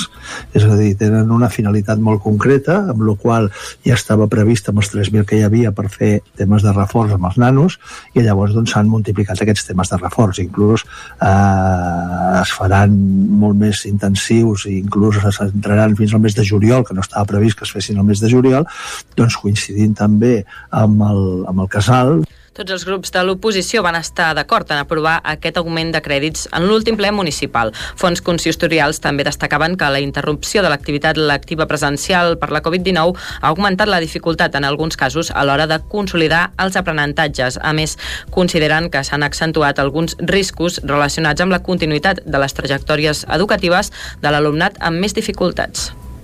Vic recupera el Lactium. Aquest proper cap de setmana el Parc Jaume Balmes tornarà a acollir la mostra de formatges catalans en un format amb totes les mesures de seguretat que requereix la Covid-19. Aquest proper dissabte i diumenge una quarantena de productors participaran a la mostra de formatges catalans que amb un format molt similar al del Mercat del Ram torna a la capital usonenca. Isaac Jalabert és el director del Lactium. Ampliem l'espai, és a dir, reproduïm el model que ja, ja es va fer pel Mercat del Ram, guanyem aquest tros de carretera fem un, els, els expositors són els mateixos, però fem una, una fira, una mostra molt més àmplia, adaptant-nos una mica en aquesta nova cultura de que ens volem sentir espaiats, que no volem aglomeracions, etc etc. Després d'un any d'aturada, ja hi ha qui apunta que aquesta edició del Lactium serà recordada per la quantitat de novetats que s'hi presentaran. Lluís Mauri és membre de l'Associació de Ramaders i Elaboradors de Formatge Artesà. Bueno, és que no vull ni parar a pensar el que ha passat durant tot un any que hem tingut a tots els formatgers confinats a dins l'obrador. Si de normal ja feien un pilot de formatges, doncs durant tot un any que han estat tancats, que no han pogut sortir, jo anar parlant amb ells, tots, tots tenen una o dues referències noves per presentar. Vol dir que serà un làctium espectacular. Com és habitual, durant la mostra es lliuraran els premis del concurs Lactium, un certamen que fins ara es desenvolupava a la Casa Ricard i que enguany s'ha hagut d'adaptar al context de pandèmia. 60 especialistes s'han trobat en nou sessions de deliberació que s'han celebrat a diferents punts de Catalunya. Isaac Gelabert i en aquestes nou, nou sessions eh, s'han tastat els formatges, bueno, avui acabem a llet crua, precisament avui a la tarda acabem, fem l'última sessió, i en aquestes nou sessions hem repartit el tas i les deliberacions de les, de les 13 categories. Una de les novetats del programa és la creació d'un nou premi de formatgeria sostenible. La sostenibilitat, de fet, serà el fil conductor del Cheese Corner, amb breus xerrades a càrrec de formatgers, amb l'objectiu de potenciar la cultura per l'escenari del Parc Balmes durant el cap de setmana i actuaran Guillem Plana amb el projecte Astrolabi i Gemma Humet, que hi presentarà Màtria. L'accés a la mostra serà gratuït. A l'Escola d'Art de Vic s'hi pot veure des de divendres passat una exposició dedicada a Aina Roca, treballadora de la Universitat de Vic que havia desenvolupat en paral·lel una àmplia trajectòria artística i que va morir en un accident a Saldes mm. l'estiu passat. La mostra, titulada Esborradís i blanc, fa una mirada panoràmica a l'obra de Roca que va treballar la pintura, la ceràmica i especialment el paper. Aina Roca va morir inesperadament l'estiu passat en un accident a Saldes al Berguedà. Llicenciada en Enginyeria Química, també havia seguit una intensa formació artística en ceràmica, pintura i arts plàstiques mentre experimentava en diferents llenguatges creatius. L'exposició Esborradís i Blanc, un homenatge pòstum a que es pot veure a l'Escola d'Art de Vic, permet fer una mirada panoràmica a la seva obra, una part de la qual mai s'havia mostrat en públic. Ana Maria Palomo és la comissària de l'exposició. Quan la família Rock and Fronts va començar a obrir calaixos, va sortir una quantitat de material molt gran, molt gran, molt gran, tota ella molt interessant, que hauria requerit segurament d'un espai més gran per poder mostrar eh, el, el, el, el conjunt de, de la seva producció. No? Tot i així, jo penso que en aquesta mostra hem estat capaços de fer una selecció d'una peça de cadascuna de les sèries. El suport per la màxima expressió artística d'Aina Roca va ser el paper, ho certifica Palomo. El paper és el material que poder més l'atreu, perquè li dona moltes possibilitats. A partir de papers molt bons, amb molt de cos, els buida, els rasca, els treballa fins que, com, com he explicat en moltes ocasions, eh, la, la matèria per si mateix, el paper per si mateix, eh, s'expressa.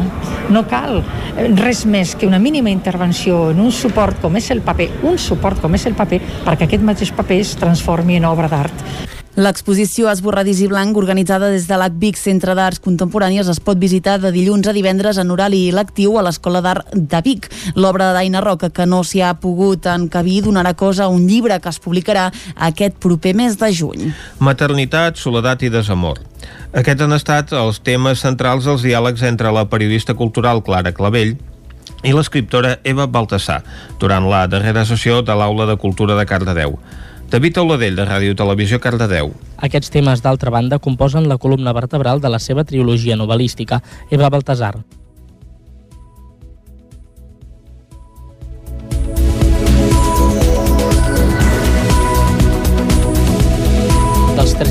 Composen la sèrie per Magel Boulder i Mamut, només els dos primers ja han estat publicats i tots dos ho han fet amb molt bona crítica.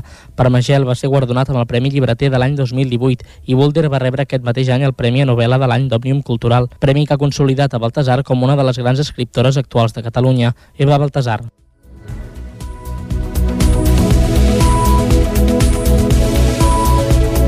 Seguidors d'Eva Baltasar esperen ja la publicació de Mamut, la novel·la que tanca la trilogia, i tot i que ja està finalitzada, encara caldrà esperar una mica per poder-lo començar a llegir. Doncs, evidentment, com heu pogut comprovar, els talls d'Eva Baltasar no hi eren amb aquesta peça, però amb aquesta, eh, això, amb el recordatori del vermut literari que va tenir lloc a Cardedeu aquest cap de setmana, precisament amb l'escriptora Eva Baltasar, tanquem el butlletí informatiu de les 10 del matí que us hem ofert amb Vicenç Vigues, Clàudia Dinarès, David Auladell, Caral Campàs i Isaac Muntades. I ara, abans d'anar cap a l'entrevista, el que farem és una nova ullada a la situació meteorològica.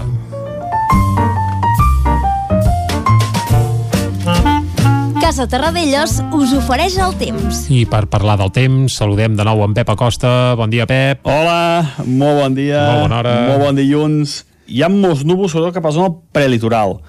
Molts núvols i fins i tot no es descarten quatre gotes aquest matí. De molt poca importància, molt poca durada i que eh, acumularan eh, quantitats molt petites de precipitació. Si és que arriben a caure, hi ha petita possibilitat aquesta, però no és del tot segur.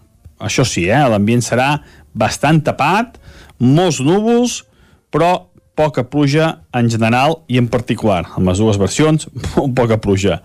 De cara a la tarda, s'anirien tancant aquests núvols. El sol serà cada vegada més protagonista, eh, no farà gens de fred, eh, un dia molt agradable, molt suau i amb unes temperatures màximes, la majoria entre els 23 i els 25 graus, una mica més baixes, entre els 20 i els 25 graus.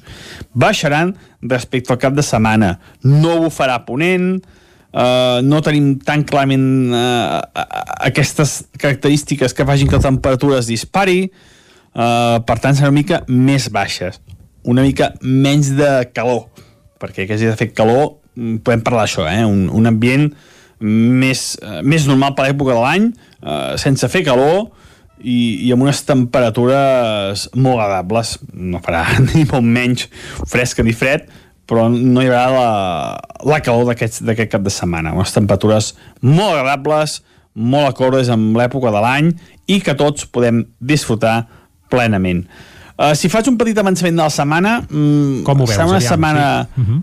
una mica inestable, uh -huh. amb algunes tempestes i amb unes temperatures, sembla, uh, molt a ratlla. No, no arribarem als 30 graus cap dia, però bueno, eh, uh, no, és difícil fer pronòstics a, a mitjà termini a aquestes dates i d'un dia per l'altre poden variar molts mapes i, i vés a saber què acaba passant. Per això, uh, dia a dia aniré explicant el temps com faig eh, cada setmana. Doncs estarem al cas. Moltes gràcies i a disfrutar aquest dilluns.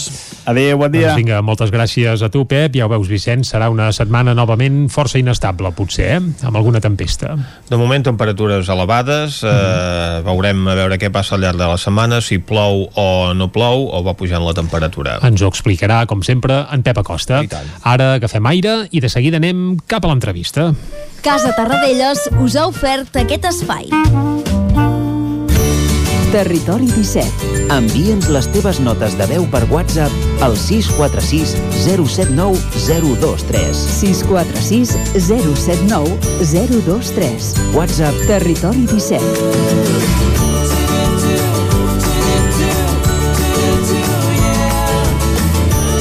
Territori 17. Som a Facebook, Twitter i Instagram amb l'usuari Territori 17.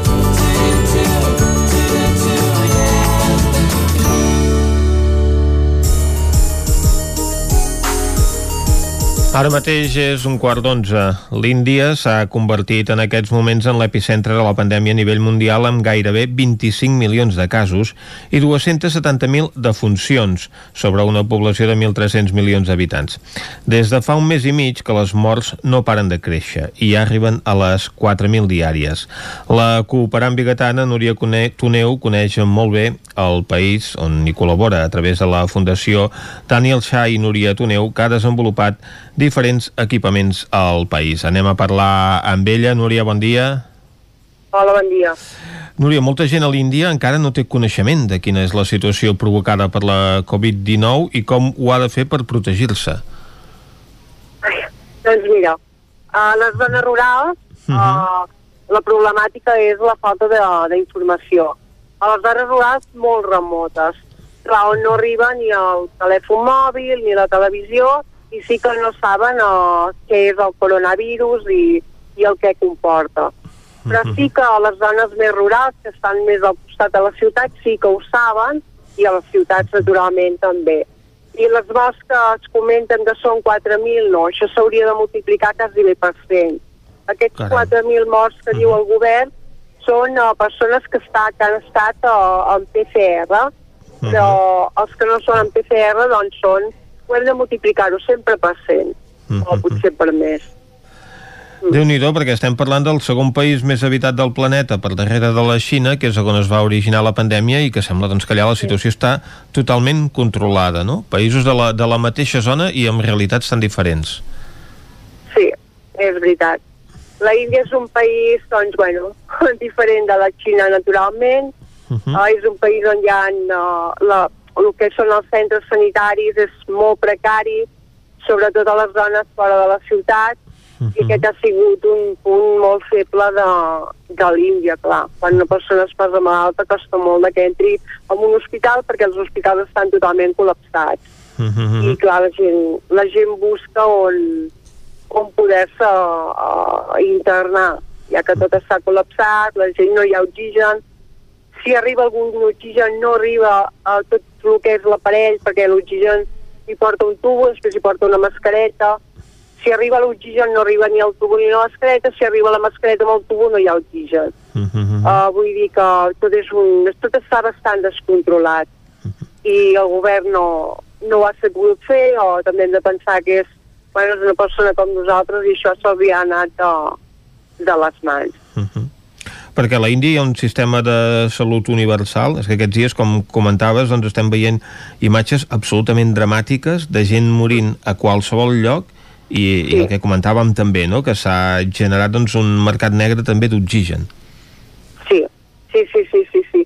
Aquest oxigen que, que fa falta a la Índia doncs no ho acaba de, de rebre del tot. A la Índia no hi ha seguretat social, la gent s'ha d'espavilar uh -huh. per ella sola.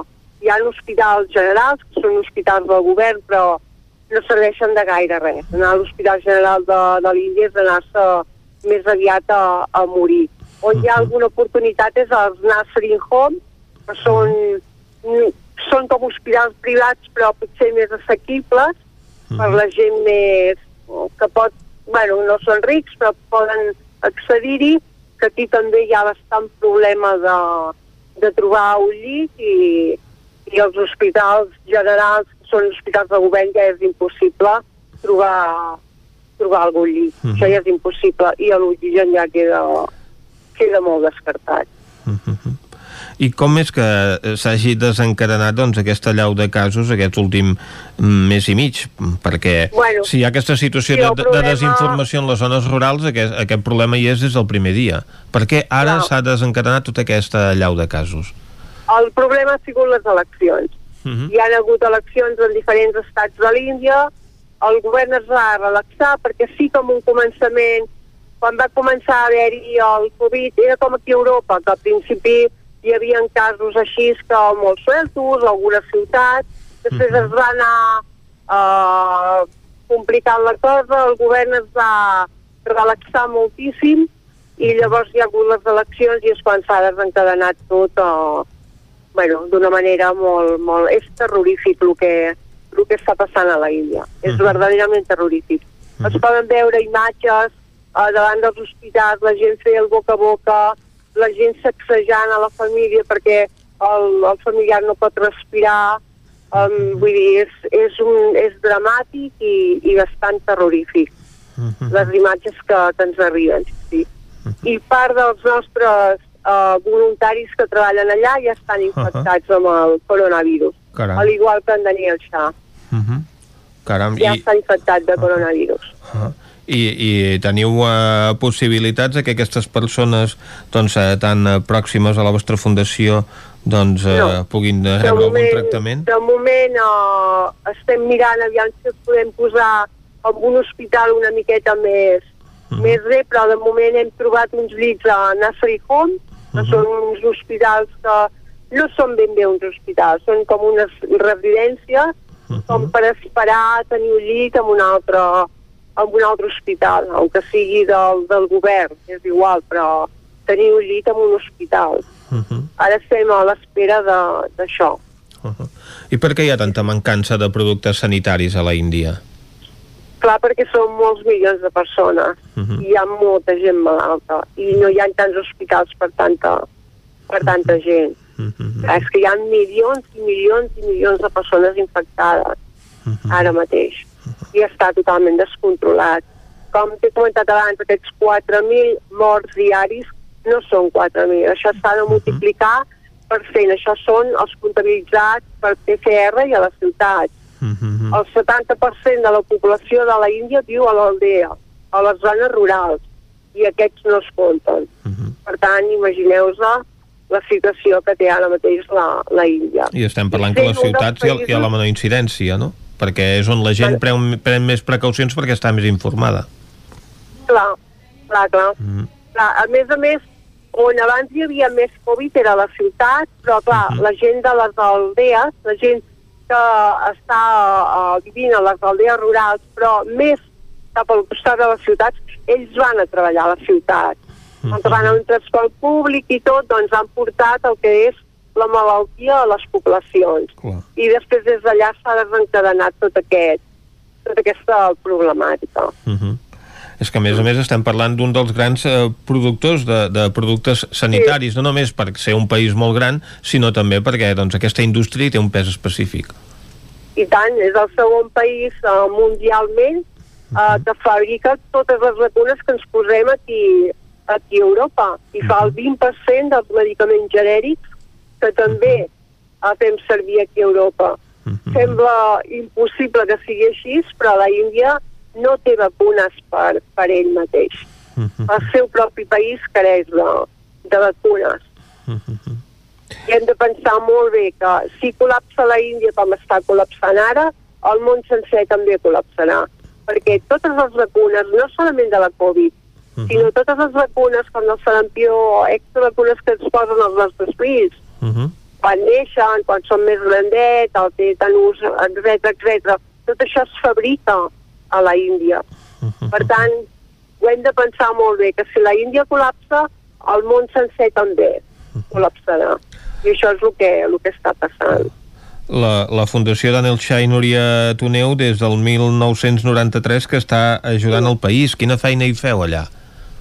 Bueno, nosaltres vam començar aquest any, que has comentat tu, el 1993, Vam començar amb una petita escola i ara aquesta escola ja s'ha convertit en el que és la columna vertebral de les 17 aldees on abarca la nostra feina.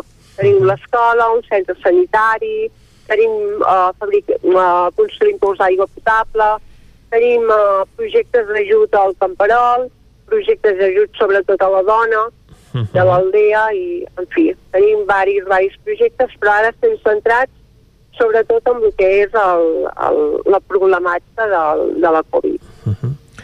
És Que- molt, molt greu. que els hi porteu doncs, eh, material de protecció amb la mesura de les vostres possibilitats. Si algú Sí. eh, es vol eh, afegir i solidaritzar-se amb la vostra causa, què és el que ha de fer? Sí, doncs mira, l'única manera que ens pot ajudar és econòmicament. Mhm. Per nosaltres poder comprar aquestes mascaretes i sabors, perquè no hi ha un altre medicament.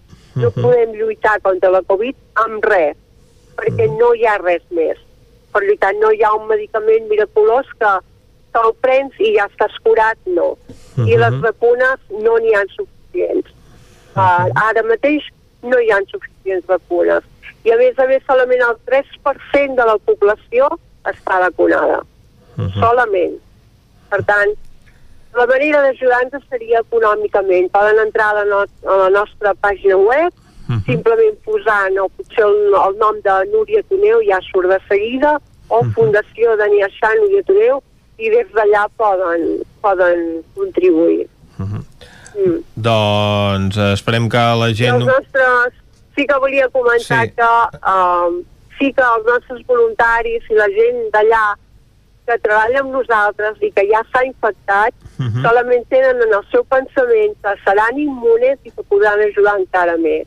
Mhm. Tenen solament aquest pensament. Doncs nosaltres esperem que tots aquests cooperants es puguin eh, restablir ben aviat de la malaltia, que pugueu tirar endavant la vostra tasca, que pugueu ajudar a molta gent a evitar que es contagin de la Covid-19 i que aquesta situació es pugui anar normalitzant. Núria Toneu, moltes gràcies per acompanyar-nos. A vosaltres per l'oportunitat. I gràcies també per posar-nos a llum aquesta situació dramàtica que està vivint ara mateix la Índia. Nosaltres, ara el que fem al Territori 17 és una petita pausa, tornem d'aquí un moment amb més continguts.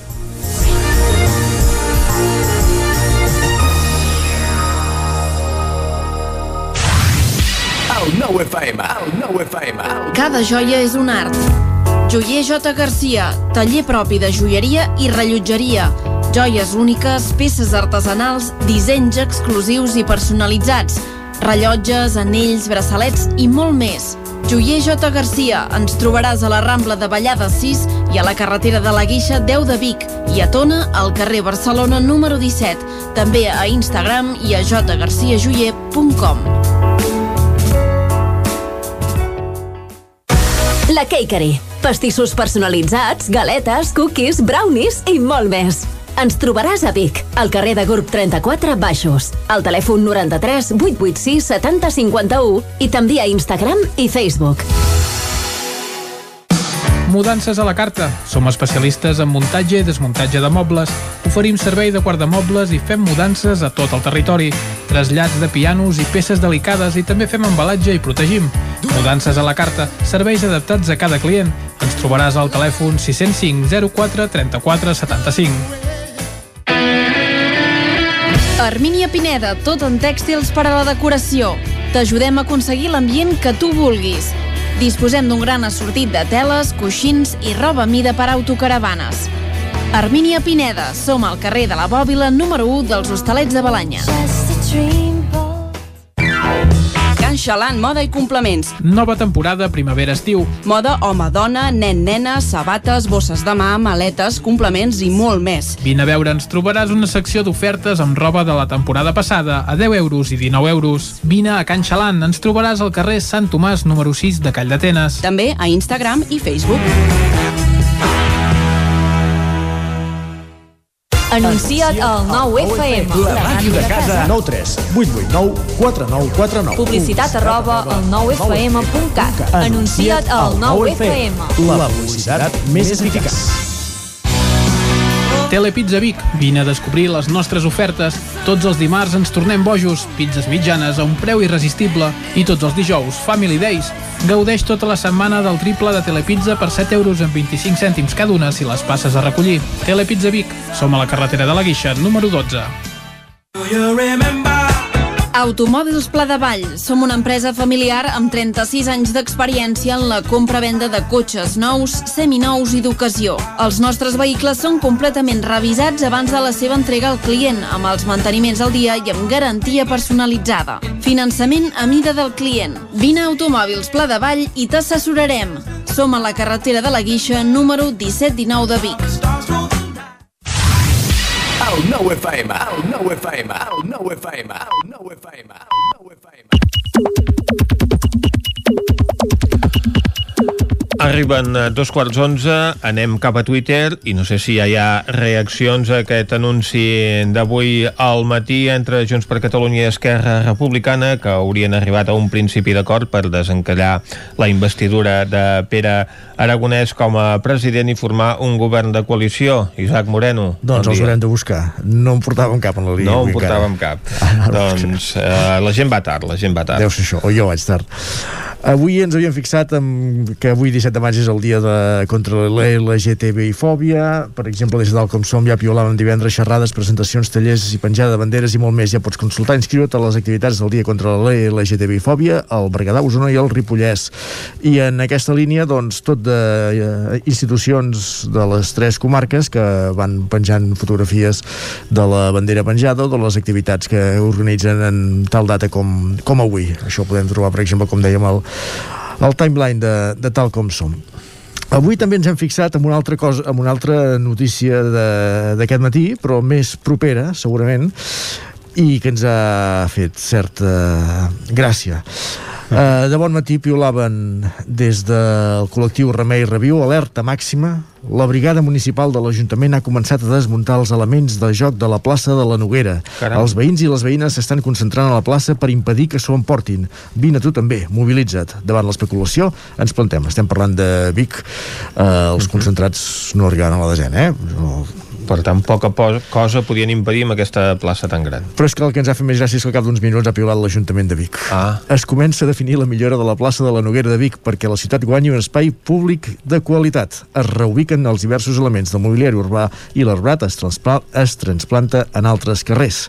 Segona piulada, imatges més precises de com serà la nova plaça de la Noguera, un espai públic de qualitat que Vic guanya. I com serà?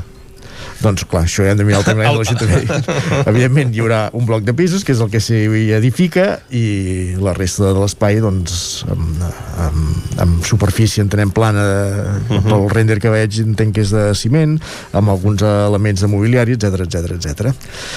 Doncs ja hi ha gent penjant pancartes en aquesta zona de Vic ara mateix en contra d'aquestes obres que s'estan fent a la plaça de la Noguera. I si no tenim mal entès, i una concentració prevista per aquesta tarda.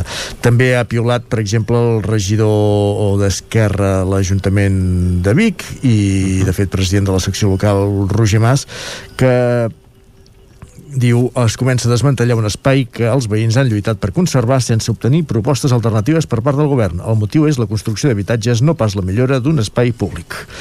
En fi, Uh, Bé, no deixa de ser un espai privat, això també també és cert. Correcte. Uh, més piolades. Isaac Romero, orgullós de poder pintar junts contra la LGTB-fòbia perquè l'amor no té gènere ni, ni a Prats de Lluçanès ni a lloc regió de Prats i, i comparteix fotografies d'aquest mural que es pintava ahir. Des de Torelló, Albert Espadamala diu si fas una, una festa i poses cerveses al congelador, pensa treure-les. uh, més qüestions.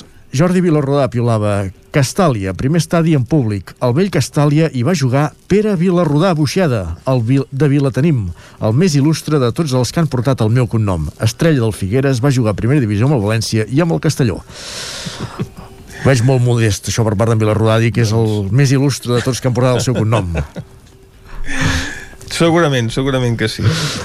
Gemma Permanyer diu el meu calendari de la recollida porta a porta no hi diu res de la tassa del vàter Sant Feliu de Codines i veiem aquí dos contenidors amb una àrea d'aportació amb una tassa de vàter al mig, maco Bé, doncs eh, tot depèn del material de què estigui fet. Xavi Tornafoc, trobo faltar una crítica des de l'esquerra al 15M. Avui he vist el PSOE, el PP i els ciutadans cantar les virtuts del 15M. És a dir, el sistema l'ha metabolitzat. Els poders econòmics poden suportar l'ocupació de totes les places, però no consentirien canviar una coma de la llei hipotecària.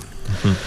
Ferran La Torre, ja estic vacunat. Zero cua, eficiència i organització germàniques. Malgrat l'ingent allau de crítiques al govern i al no govern, per aqu en aquest país hi ha infinitat de coses que funcionen molt bé. Felicitats.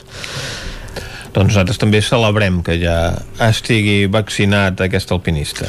Pep Acosta ha fet el meteo avui o no? Sí. Diu, perquè després de, deia, després de tres dies molt tocat de l'esquena, avui ja estic gairebé al 100%. Estic molt content, això ho deia ell. Per tant, avui ja deu estar eufòric. Segur. Agustí Danés, que la nova CaixaBank Bankia faci un ERO per acomiadar 7.791 treballadors i al mateix temps aprovi retribucions milionàries per la cúpula directiva trobo que ha de fer emprenyar una mica.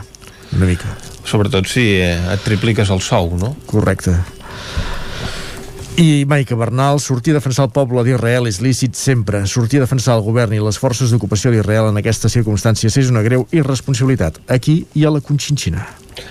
Anem ara a repassar el que diuen les portades del... Dues pilades molt ràpides, si em permet ràpidament. Sí. L'atòmica deia, el veritable sumum de la perversió i la psicopatia és combinar caçadora texana i amb, amb pantalons texans dit queda. Uh -huh. I la Tordera que es fixa en un titular de Zona.com que deia la pandèmia dispara el Workstation en una masia del segle XIII a Sant Pere Torelló on es combina turisme rural, espais de coworking i una fàbrica de start-up. I en Tordera que diu, algú s'anima a redactar-ho en català?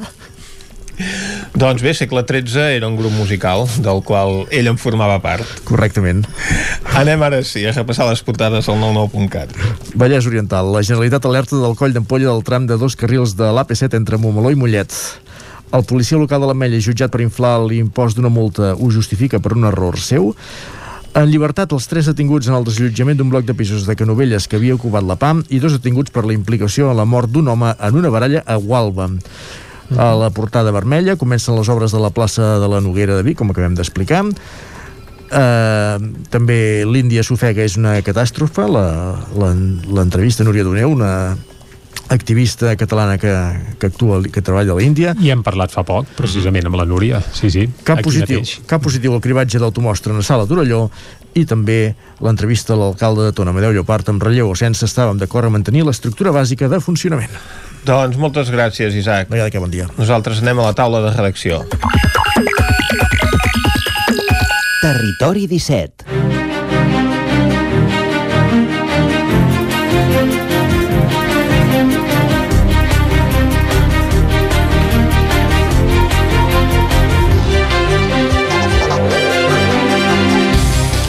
I a la taula de redacció avui ens acompanyen Guillem Freixa i Guillem Rico.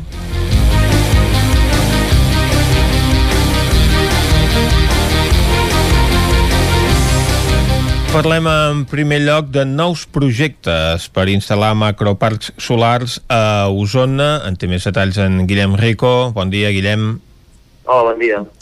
Doncs quina és aquesta situació perquè ja hem estat eh, seguint eh, aquestes, aquests projectes que es volen dur a terme en diferents eh, poblacions del nord d'Osona, projectes de grans parcs solars que compten doncs, amb l'oposició dels veïns i dels ajuntaments, però sembla que no és suficient i que n'hi ha de nous, vaja. Exacte, sí, n'hi ha de nous i de fet eh, alerta exclusiva perquè eh, en tenim un de nou d'avui al matí que és un nou projecte de 46,7 hectàrees eh, que, entraria, que aniria entre Malla i Sant Eugeni de Berga. Uh -huh. Per tant, serien 7, la, ai, 6, perdó, sol·licituds de, de parcs solars que, que hi ha ara uh -huh. pendents de, que estan en estudi, per uh -huh. comptant aquesta, aquesta que aniria conjunta seria el mateix parc però que ocuparia els dos termes municipals eh? Uh -huh. uh, per tant, hi haurien en estudi amb aquests cinc nous projectes uh, parlàvem divendres al 9-9 de 177 hectàrees uh -huh. ara amb aquestes serien unes 220 ja les que hi han uh, pendents uh -huh. i d'aquests uh, sis projectes només n'hi hauria un que més o menys estaria dins el que plantegen des del Consell Comarcal recordeu que fa uns dies vam parlar d'un pla um, per fer la transició energètica que parlava de fer 50 petits parcs però de 10 hectàrees cadascun, uh -huh. clar, aquests parcs que, que parlem ara, molts ja són de gairebé 50 hectàrees. De fet, el de Manlleu és de 51, els altres són de 47, el d'Ulís és de 22, més o menys, uh -huh. uh, 26, perdó, i, i llavors hi ha aquests de Malla, uh, eh, dos de malla, diguem, un, un, aquest que dèiem entre Malla i Sant Eugeni, i un altre que només afectaria Malla de 47 hectàrees també, uh -huh. eh, i llavors aquest de Taradell que serien de 6,7 o una cosa així. Clar, això no eh, ha posat en alerta una mica els ajuntaments, no?, perquè no entraria dins el, el, el plantejament que es fan de fer un... A banda de les dimensions, que això és un tema, per l'impacte que pot tenir en el, en el, entorn, eh, és també el model, no? les empreses que hi ha al darrere d'aquests macroparcs, perquè deien que no revertiran en el territori. Ells aposten per aquestes petites eh, eh, parcs solars um, que es controlin a través de cooperatives, per exemple, de cooperatives locals i que reparteixi tot en el mateix, en el mateix territori. Ja entenen que per la, el tipus de territori hi hauria d'haver una part, no? hauríem de fer energia eh, neta per altres zones de Catalunya, uh -huh. però clar, eh, això suposa un trinxament, diguem, de, del territori. La majoria, això, eh, a tota la majoria d'alcaldes i alcaldesses ens deien el mateix, eh? Uh, també això, amb el que els demanen és també alguns uh, uh, és marcar, uh, això també ho plantegen en aquest pla de Consell Comarcal, que determinin cada ajuntament doncs, amb els seus plans urbanístics quines zones uh, poden uh, plantegen perquè s'hi puguin ubicar aquests petits parcs Uh -huh. i per altra banda també hi ha alguns ajuntaments com el de Manlleu o el de, o el de Malla que ja havien uh, fet una, una moratòria d'un any per, perquè no puguin fer, o sigui, per, per um, evitar doncs, que es puguin fer aquest, aquests tipus d'instal·lacions, no? limitar un any uh, les llicències aturades, diguem, uh, perquè no es puguin tramitar durant aquest any.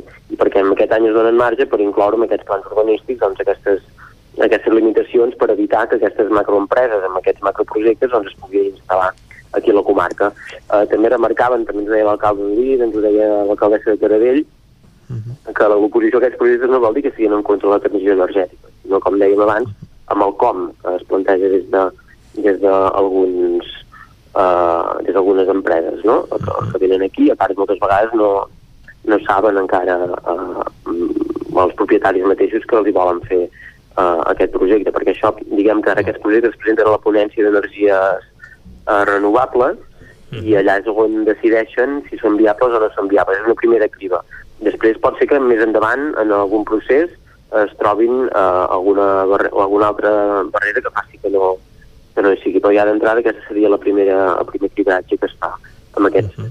amb aquests projectes. Recordem que, per exemple, hi havia el que va alertar abans de Nadal, eh, al voltant de l'octubre, crec que era, aquest macroprojecte que hi havia entre Torelló, Manlleu i l'Esquirol, que eren 400 hectàrees, uh -huh. allà no va, no va passar la criba. De moment sí que van passar la criba alguns projectes, que era, un era el, la, la instal·lació fotovoltaica Vic 3, que és aquesta de Folgueroles, uh -huh. de, de, de 46,1 hectàrees, aquest sí que va tirar endavant.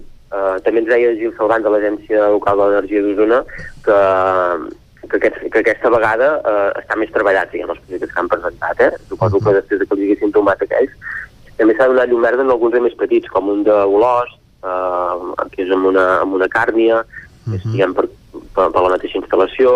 També s'ha donat llum verda amb una altra de Tona, que són 2,8 hectàrees, un altre Prat de 2,4, que són aquests models, diguem, més petits i que acaben sent algunes per algunes empreses mateixes que ja hi ha al territori, no? I sobre les seves pròpies teulades, moltes vegades. Sí, algunes, exacte. Això també ens deia Gil Salvans, però que, eh, i també ho hem dit altres vegades, que, no, no, que tots entenen, també ho entenen des dels ajuntaments, que no n'hi haurà prou només amb les teulades, Uh -huh. però sí que eh, la, el traspàs també s'ha de fer, però a més a més hi ha d'aquests petits parcs a fora, que també ens hem d'acostumar a veure plaques solars al territori, o si s'ubiquen en zones que no són bones, diguem, per l'agricultura o per altres activitats, uh -huh. doncs no es veuria amb altres ara això si els ajuntaments tenen la feina, els deures aquests de, de plantejar, de marcar amb els seus plans urbanístics on seria possible eh, fer-ne, eh, aquests, aquests parcs fotovoltaics uh -huh. de cara al futur.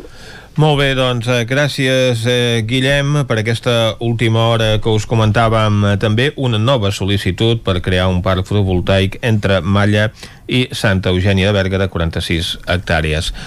Nosaltres continuem eh, parlant eh, de temes ecològics, continuem parlant d'Albert, en aquest cas d'Albert de Vic, Guillem Freixa, perquè costa d'entendre una mica per una ciutat que està envoltada de camps, però resulta que els espais verds de Vic superen la mitjana que recomana l'Organització Mundial de la Salut per habitant. Sí, aquesta dada que surt del uh, Pla Director d'Albert Urbà de Vic, un pla director que es va presentar uh, fa un parell de, de setmanes.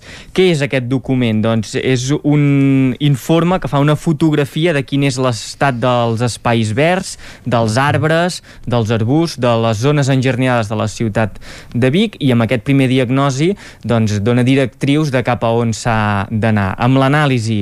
Una de les uh, xifres que cridava més l'atenció doncs era uh, aquesta que ara comentaves, que la mitjana d'espais verds per habitant a Vic és superior a la que recomana l'Organització Mundial de la Salut, l'OMS. En concret, a uh, Vic, cada ciutadà disposa de mitjana 27,9 metres quadrats d'espai verd, Uh, uh -huh. Això es determina amb la relació entre els habitants de la capital d'Osona el 2019, que eren 46.214, i la superfície d'espais uh, verds amb un manteniment freqüent. És important aquest uh, uh -huh. matís d'un manteniment freqüent, perquè hi ha moltes zones del que es considera Prat, que són zones verdes però que no tenen uh, cap tipus de manteniment i que viuen per la pluviometria de, de la zona, aquestes no, no estarien uh, comptades.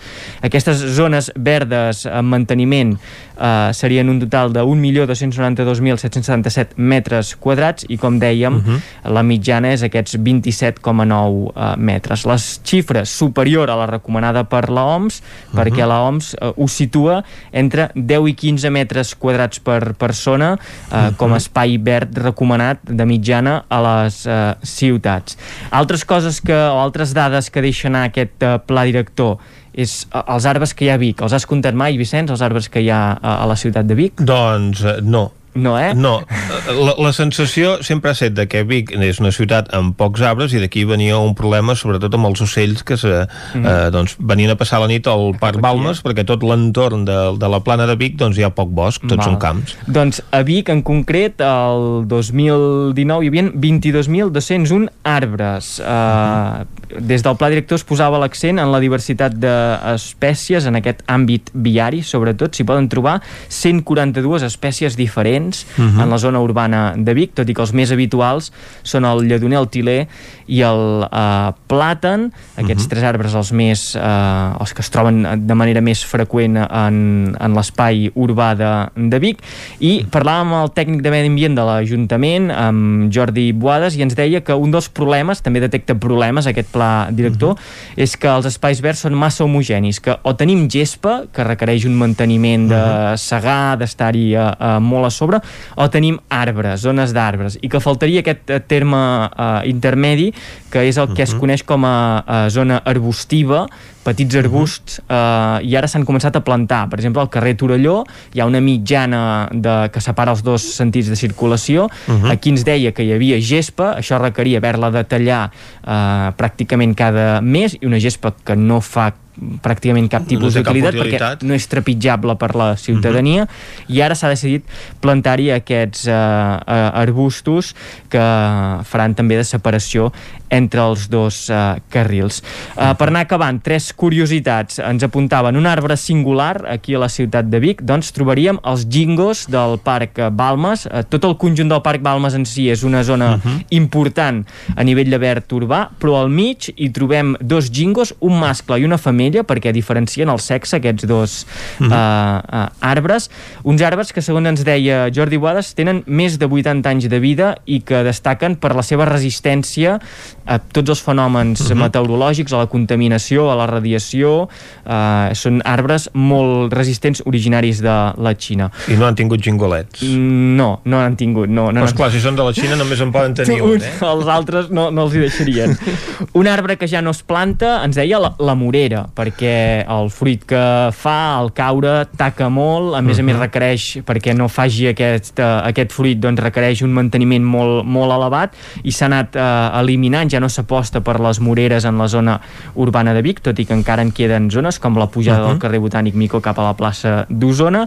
I per últim, una cosa que segurament molta gent de la comarca i sobretot de la ciutat de Vic hauran vist, són aquestes zones de manteniment diferenciat, que molta gent uh -huh. les mhm. veu i diu aquí, uh, no hi passen a segar, ho han deixat deixat estar que creixi com vulgui tot plegat, doncs no, això té una explicació i és que són zones de prat eh, el que dèiem, eh, zones que no tenen un rec eh, automatitzat o instal·lat uh -huh. um, això també cada cert temps s'havia de segar eh, suposava molta despesa tant econòmica com de recursos humans i a més a més xafaven la casa de, la, de les espècies, de la fauna que vivia allà, marietes eh, papallones, insectes en aquests prats que hi ha a la ciutat de Vic com podrien ser per exemple al costat del riu Meder. I ara uh -huh el que es fa és deixar-ho créixer, es deixa créixer aquesta zona de manteniment diferenciat, per tant es permet que tant les flors, eh, les plantes d'aquest eh, espai es puguin desenvolupar, florir, uh -huh. eh, treure les llavors, també els insectes d'aquest espai doncs, tenen un hàbitat on desenvolupar-se uh -huh. i a finals de juny eh, el prat s'anirà secant eh, i es tallarà tot i tornarà a començar el cicle. És una nova manera de gestionar aquestes zones de prat a l'interior de la ciutat de Vic, sobretot en, en zones eh, intermitges de, de carrils de circulació, uh -huh. eh, això que dèiem, al costat del riu Meder, la baixada de l'Avinguda Olímpia eh, de Vic, eh, és aquest eh, tram on es fa aquesta zona de manteniment diferenciat. Molt bé, moltes gràcies, Guillem. Tanquem aquí la taula de redacció. Territori 17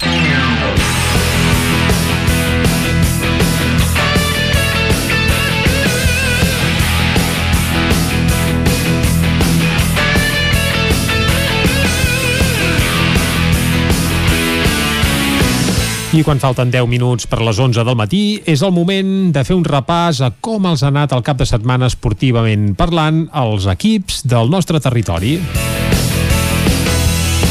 I aquest repàs, Vicenç, l'arrencarem anant cap on? Cap a Ràdio Cardedeu, on ens espera l'Òscar Muñoz. Bon dia, Òscar. Bon dia. Com ha anat el cap de setmana esportiu? Doncs... D'aquella manera. Com cada cap de setmana, jo crec, sí, una miqueta de, dels dos costats. Uh -huh. Però bueno, comencem així amb el futbol, amb, amb la tercera catalana, on aquest cap de setmana teníem el derbi Cardedeu-Llinàs, que se'l van dur al Cardedeu per 4 gols a 2.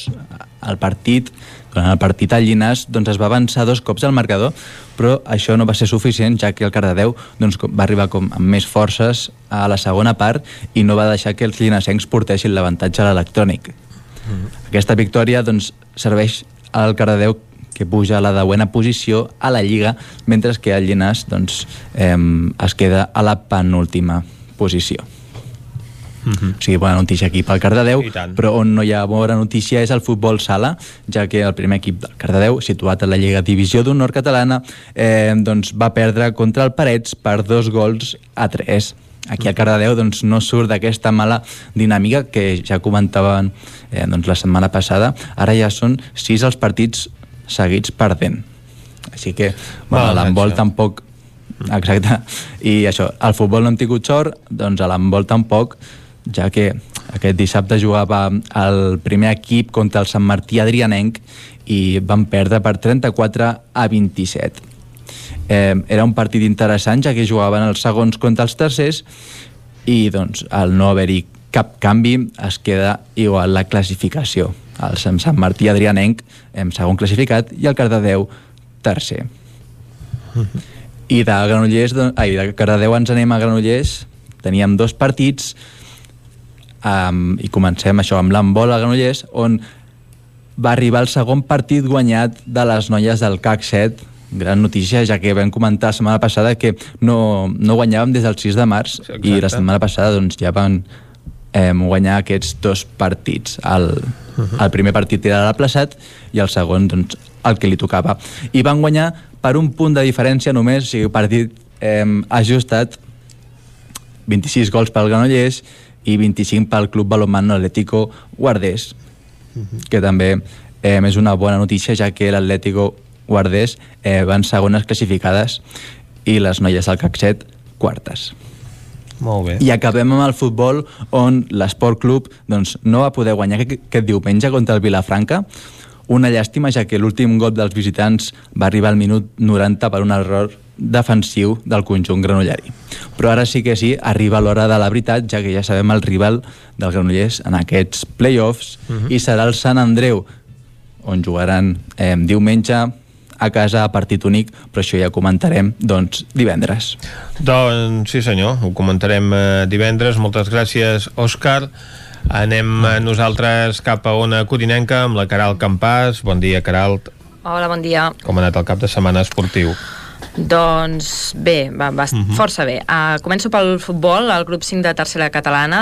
Uh, recordar que, que tots els equips um, de, de la cobertura d'una codinenca visitaven els camps rivals. El Sant Feliu disputava contra l'Aigua Freda, un, un uh -huh. Sant Feliu doncs, que va estar brillant i va obrir la llauna a la primera jugada del partit. Uh, L'Aigua Freda es va mantenir i al 23, al minut 23 va empatar a 1, uh, però el Sant Feliu s'hi va tornar i va marcar 3 gols més abans de la segona meitat i durant la segona part també va estar brillant, marcant totes les ocasions que va tenir el Sant Feliu, fins tancar el marcador uh -huh. amb un 1 a 7. Uh, per tant, bé, bones notícies pel Sant Feliu de Codines, que disputava contra l'Aigua Freda. I primer partit guanyat pel Castellterçol, que no puntuaven des de l'octubre i que aquest cap de setmana van comptar amb l'ajut de jugadors del juvenil, um, un Tarsol que disputava contra el Borgunyà, uh, una primera part que va acabar sense gols, eh, però bé, uh, tots, es van, tots els gols es van fer durant, durant la segona part uh, i un Tarsol que va sentenciar amb un 2 a 3 i per tant l'equip del Moianès guanya així 3 punts i deixa d'ocupar l'última posició que tenia doncs, a la competició d'aquest uh, grup uh, 5 de tercera catalana i acabo el futbol parlant del Tona Mollà. Uh, el Mollà va ser derrotat pel Tona en un partit doncs, que hi va haver molt ben i on els moianesos van, es van avançar al segon minut de joc però, però va ser doncs, l'únic gol que van marcar durant el partit i el marcador es va tancar amb un 2 a 1 doncs, a favor del Tona. I acabo, bueno, bé, començo, el, obro l'hoquei parlant de, de les noies del Vigas que, que bé, segueixen disputant amistosos per preparar la Copa de la Reina aquest divendres van disputar contra el Sant Cugat i van signar doncs, una derrota i acabo, ara sí, amb bones notícies perquè el mhm. primer equip d'alcaldes disputava contra el Palafrugell aquest cap de setmanes de setmana, un Caldes que recordem que venia de perdre davant del Lloret l'anterior jornada i que aquests dies va recuperant partits ajornats i bones notícies perquè el Caldes ha sumat 3 punts claus després de superar per 5 a 3 al Palafrugell i per tant el Caldes recupera la tercera posició a la classificació empatat però a 58 punts amb el Reus. Doncs queden dos partits per desempatar. Moltes Exacte, gràcies, veurem com va. A vosaltres. Gràcies. Anem a la veu de Sant Joan amb l'Isaac Muntades. Bon dia, Isaac. Bon dia, Vicenç. Com està l'actualitat esportiva al Ripollès?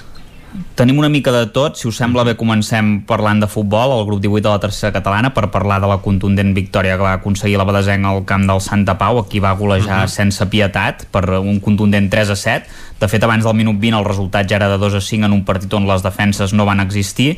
I en una primera part eh, molt bona del conjunt Sant Joaní en què Àlex Garcia doncs, va inaugurar la llauna, la llauna als 5 minuts de partit.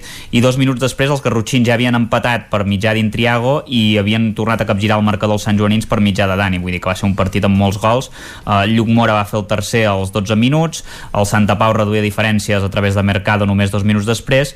I en l'intercanvi de cops doncs, Ismael va fer un doblet per sentenciar uh, pràcticament pràcticament el partit i abans del descans Àlex Garcia doncs, aconseguia eh, el 2 a 6 i a la segona part doncs, es va acabar de fer el 3 a 7 amb gols de Rabionet i de Dani en l'últim eh, minut del, del partit. Ara mateix el Badesenc és tercer i està a 6 punts del lideratge de la categoria i per la seva banda el Candano va sumar un nou desastre, va tenir moltes baixes en el partit i algunes ocasions per, per guanyar-lo al camp del Cué la Celler però només en va poder treure un empat gràcies a un gol de, de Maideu al minut 71, que era l'empat a 1 després d'una passada de Cristian a l'àrea petita.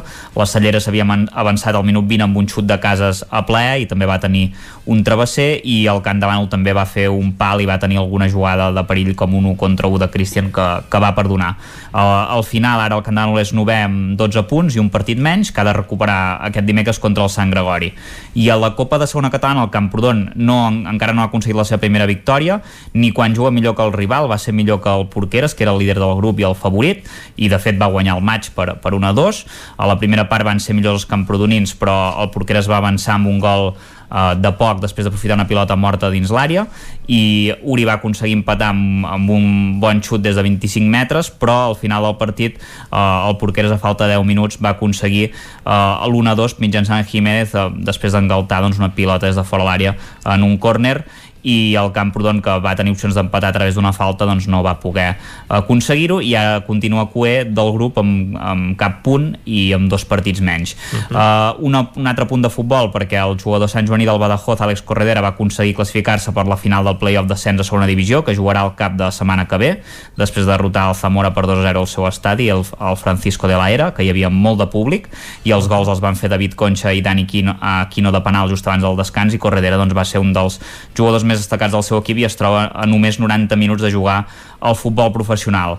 Uh, sobre futbol sala, dir-vos que en un partit trepidant de la segona fase de la Lliga de Primera Nacional, l'escola de futbol sala Ripoll Servicat va guanyar per un ajustat 5 a 4 un dels rivals més durs del grup, el Montsant Sala, que no està fent una bona segona fase, i els ripollesos ara són segons amb 7 punts i es troben a dos eh, del lideratge que l'ostenta el padre Damián. I per acabar dos, dos punts més. En hoquei a la segona fase de la primera catalana l'hoquei Club Ripoll va perdre a casa per 0 a 1 contra el Vigues i Riells amb un gol en pròpia porteria ara mateix el Ripoll ja està habitualment salvat perquè és cinquè amb 9 punts i els darrers dos classificats del grup encara no han puntuat, només queden 3 partits per acabar la competició i finalment la parella formada per Guifré Miquel i Arnal Grabulosa, ara parlo de marxes tècniques, doncs es van proclamar campions de Catalunya, eh, els, els, els corredors de la Unió Excursionistes Sant Joan de les Abadeses, en vèncer la primera marxa combinada d'orientació i regularitat a Vegas, al Baix Llobregat, organitzada pel Club Muntanyenc L'Hospitalet. Una altra activitat esportiva doncs, que es recupera. Moltes gràcies, Isaac. Ara nosaltres anem a parlar amb l'Ester Rovira del cap de setmana esportiu que a Osona no ha ser gaire positiu pel Club Patí Manlleu. Exacte, uh, perquè aquest cap de setmana els seus dos primers uh, equips tenien partits importants, el masculí uh -huh. jugava la Copa de la Princesa després d'aconseguir de, l'ascens de categoria uh, la temporada passada i els mallauencs hem de dir que van superar la, la semifinal a l'Arenys de Munt per, per la mínima, per 1 a 0 però en canvi a la final contra l'Alcoi uh, van perdre per un ajustat 4-5 amb un gol de penal a la, a la pròrroga que va ser el que li va impedir aixecar el, el títol, per tant ho van lluitar però no van poder acabar de posar la cirereta aquesta temporada que de per si ja, ja és bona perquè doncs tornaran a la màxima competició estatal de l'hoquei uh -huh. patins la temporada que ve. Um, però bé, en tot cas la, la Copa uh, s'ha acabat escapant. I en el cas del femení uh, jugaven el primer partit de la final del playoff per al títol de, de la Lliga. Uh, ho feien a casa on rebien el, el Palau um, uh -huh. el seu gran rival uh, doncs aquesta temporada i les mallauenques que van fer un bon partit però van acabar perdent per 3 a 7 davant l'efectivitat de les ballesanes que van estar molt més encertades de cara a porteria i ara això vol dir que divendres es jugarà el segon partit del millor de 3 a, a Palau. Uh, en cas de victòria Mallauenca, els dos equips es veuran les cares diumenge en el uh -huh. tercer partit pel desempat i en cas de victòria del Palau doncs el títol de Lliga ja seria per elles i tocaria pensar en la Copa d'Europa que és el segon repte que tenen eh, ja de seguida els equips i després uh -huh. també la Copa de la Reina per tant ve un final de temporada atapeït veurem si el Manlleu és capaç d'aconseguir doncs una victòria en la, en la tornada aquest proper divendres uh -huh. uh, encara en hoquei okay, aquest cap de setmana no jugaven, uh, no hi havia jornada a l'hoquei Lliga perquè es disputava la, la final de la Lliga Europea que hem de dir que hi va haver victòria per un usonenc, per, uh -huh. per Ferran Font, perquè el seu conjunt, l'Sporting, es va imposar en, en la final del Porto de Xevi Malian uh, per 3 a 4, per tant, uh -huh. aquest èxit també... Amb... Final portuguesa i usonenca també. Exacte, portuguesa, però amb representació usonenca sempre, quan es parla d'hoquei patins i aquests, aquests uh -huh. nivells, no?, que sempre que sempre n'hi ha de jugadors, i com deia, no hi havia jornada a l'hoquei Lliga, però el Patí Vic ho va aprofitar per disputar el partit que tenia partit uh, pendent uh, amb el Vendrell i va aconseguir una victòria victòria per 2 a 1, que bàsicament el que li serveix una mica és per uh, acabar la temporada amb uh mhm. -huh. més bon gust de, de boca que no pas el que s'ha trobat fins ara, no? Perquè uh, és la... El penúltim lloc no li treu ningú. No, però, però bé, en tot cas, uh, poder-se uh mhm. -huh. acomiadar amb més bones sensacions i aconseguint alguna victòria de més és el que es marcaven en aquest tram final de temporada i aquesta doncs va poder arribar uh, dissabte a casa davant de, de l'afició, no? Per tant, uh -huh. uh, això sempre és una, una bona notícia. Um, en futbol, destacar primer de tot, malgrat que ella no va jugar a la final, que el Barça de Bruna Vilamala va aconseguir uh -huh. ahir al vespre um, aquesta primera Champions uh, de la història de, del club uh, blaugrana, uh, la Bruna que, que és de Borgunyà i que uh -huh. aquesta temporada doncs, ha estat la, la seva d'anar tenint presència al primer equip, no en aquesta final d'ahir, uh, però sí doncs, uh, llarg de, de tota la, la temporada i per tant també ho és de... de també hi era Gotebor. Exacte. Uh -huh. Uh, per tant, d'entrada, aquesta seria la notícia més destacada. Uh, I pel que fa a les categories en participació de, de conjunts usonencs, um, doncs hi havia un nou derbi a la primera catalana entre el Manlleu i el Vic Riu primer, els manlleuencs que es van imposar amb gols de Campaio i Pol Coll per 2 a, a 0, i ara mateix se situen uh -huh. tercers, um, amb 24 punts, 5 menys que el Tona, que és el líder sòlid d'aquest grup, després de guanyar en un partit trepidant el, el Llagostera B uh, per 3 a 5, i això doncs, que els -huh. deixa molt còmodament situats en aquesta part alta de la, de la classificació del grup de primera catalana, mentre que el Vic, que és l'altre dels quatre conjunts unencs de, del grup, va guanyar a casa de l'escala per 2 a, a 0. Uh -huh. um, I després també uh, destacar que en el cas de la primera divisió nacional femenina, el Vic Riu primer va aconseguir uh, un empat, uh, un gol a la seva visita al Saragossa B, i continuen uh -huh. doncs, còmodament instal·lades a la cinquena posició de, del grup 3 d'aquesta categoria. Molt bé, moltes gràcies, Esther. Tanquem aquí el repàs esportiu del cap de setmana.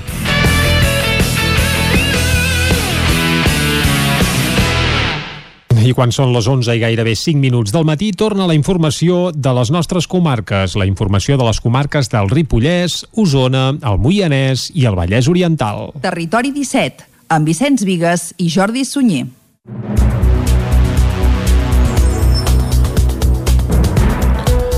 Tres mesos després, a la sala de la comissaria de Vic, la directora de la regió policial central dels Mossos d'Esquadra, Cristina Manresa, ha fet balanç dels incidents en una entrevista al 9-9. També ha parlat del fenomen de la multireincidència a la qual s'atribueix als autors de robatoris com els que s'han viscut les últimes setmanes al centre de Vic. Cristina Manresa és la directora de la regió policial central dels Mossos d'Esquadra des de finals de l'any passat. El càrrec l'ha portat encara a situacions inèdites com la sala ara fa tres mesos a la comissaria de Vic, segons les investigacions del cos, l'assalt no estava preparat i no té per què repetir-se. Jo porto 31 anys en l'organització i no ens havia passat mai. Crec que és fruit d'un moment concret d'esclat social, de, de gent que va sortir al carrer de, de tota la, de la pandèmia, la gent està tancada, molta incertesa, s'han sentit molt vulnerables. Eh, pensem que no ha de tornar, que va, fer, va ser un fet puntual, que no s'ha de tornar a produir.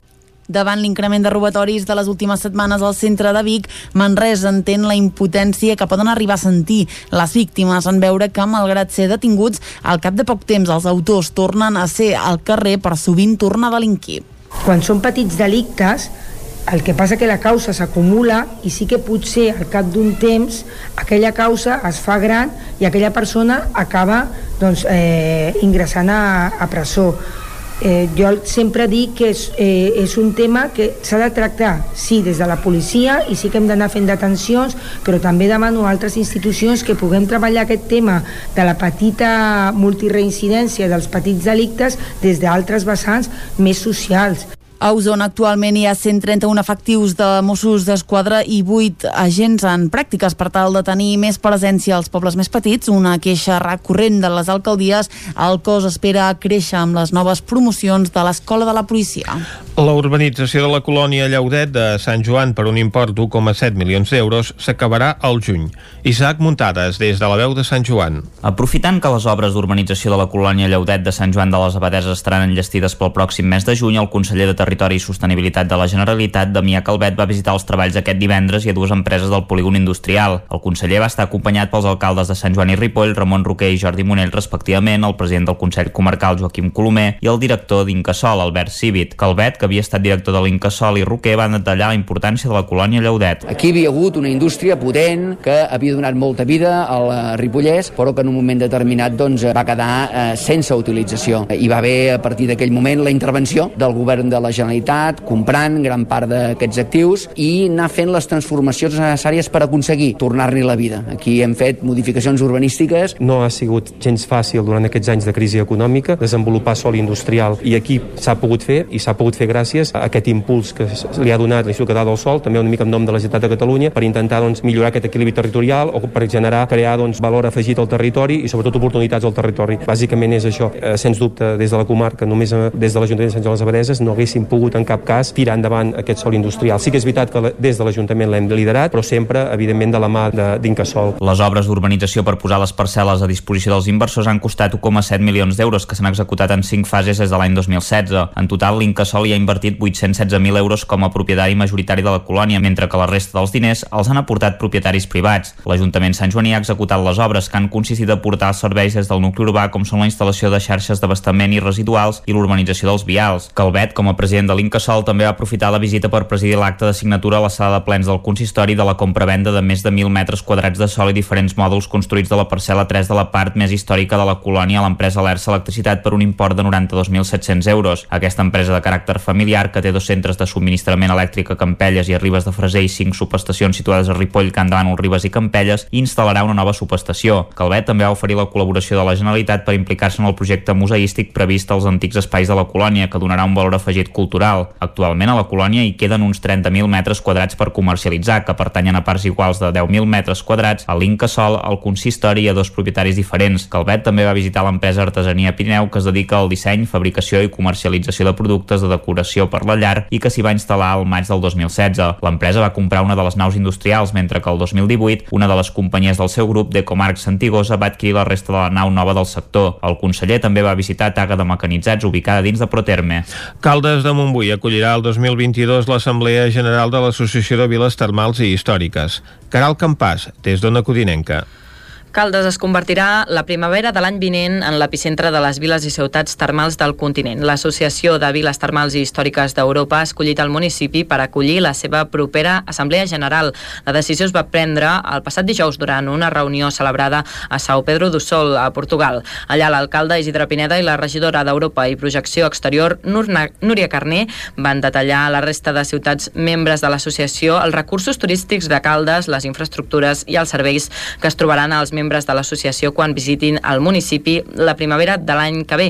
Durant la trobada d'aquest any s'havia convidat a tres pobles i ciutats que tenen termes romanes per participar de les conferències. En aquest sentit, la regidora de Turisme i Termalisme, Carme Germà, va oferir una conferència on va parlar sobre els orígens de les termes romanes del municipi i en va destacar la importància patrimonial. L'octubre del 2018, Caldes va entrar a formar part d'aquesta associació, a la qual només hi pot accedir després de la validació del comitè científic encarregat d'examinar si es compleixen uns estrictes requisits relacionats amb l'ús de les aigües termals o la conservació del patrimoni arquitectònic, entre d'altres. L'Associació de Viles Termals i Històriques és una entitat sense ànim de lucre que plega 49 ciutats termals europees de 18 països.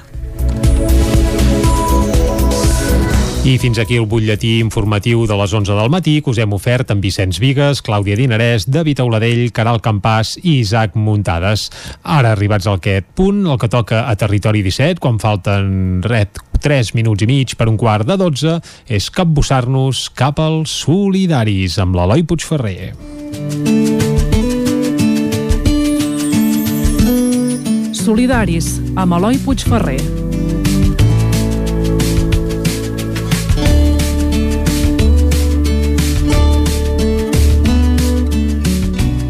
Conviure amb una malaltia que limiti la teva capacitat per viure amb el que es podria considerar normalitat no és un periple senzill per a ningú, i encara ho és menys quan aquesta malaltia és totalment minoritària i inicialment sense cura possible.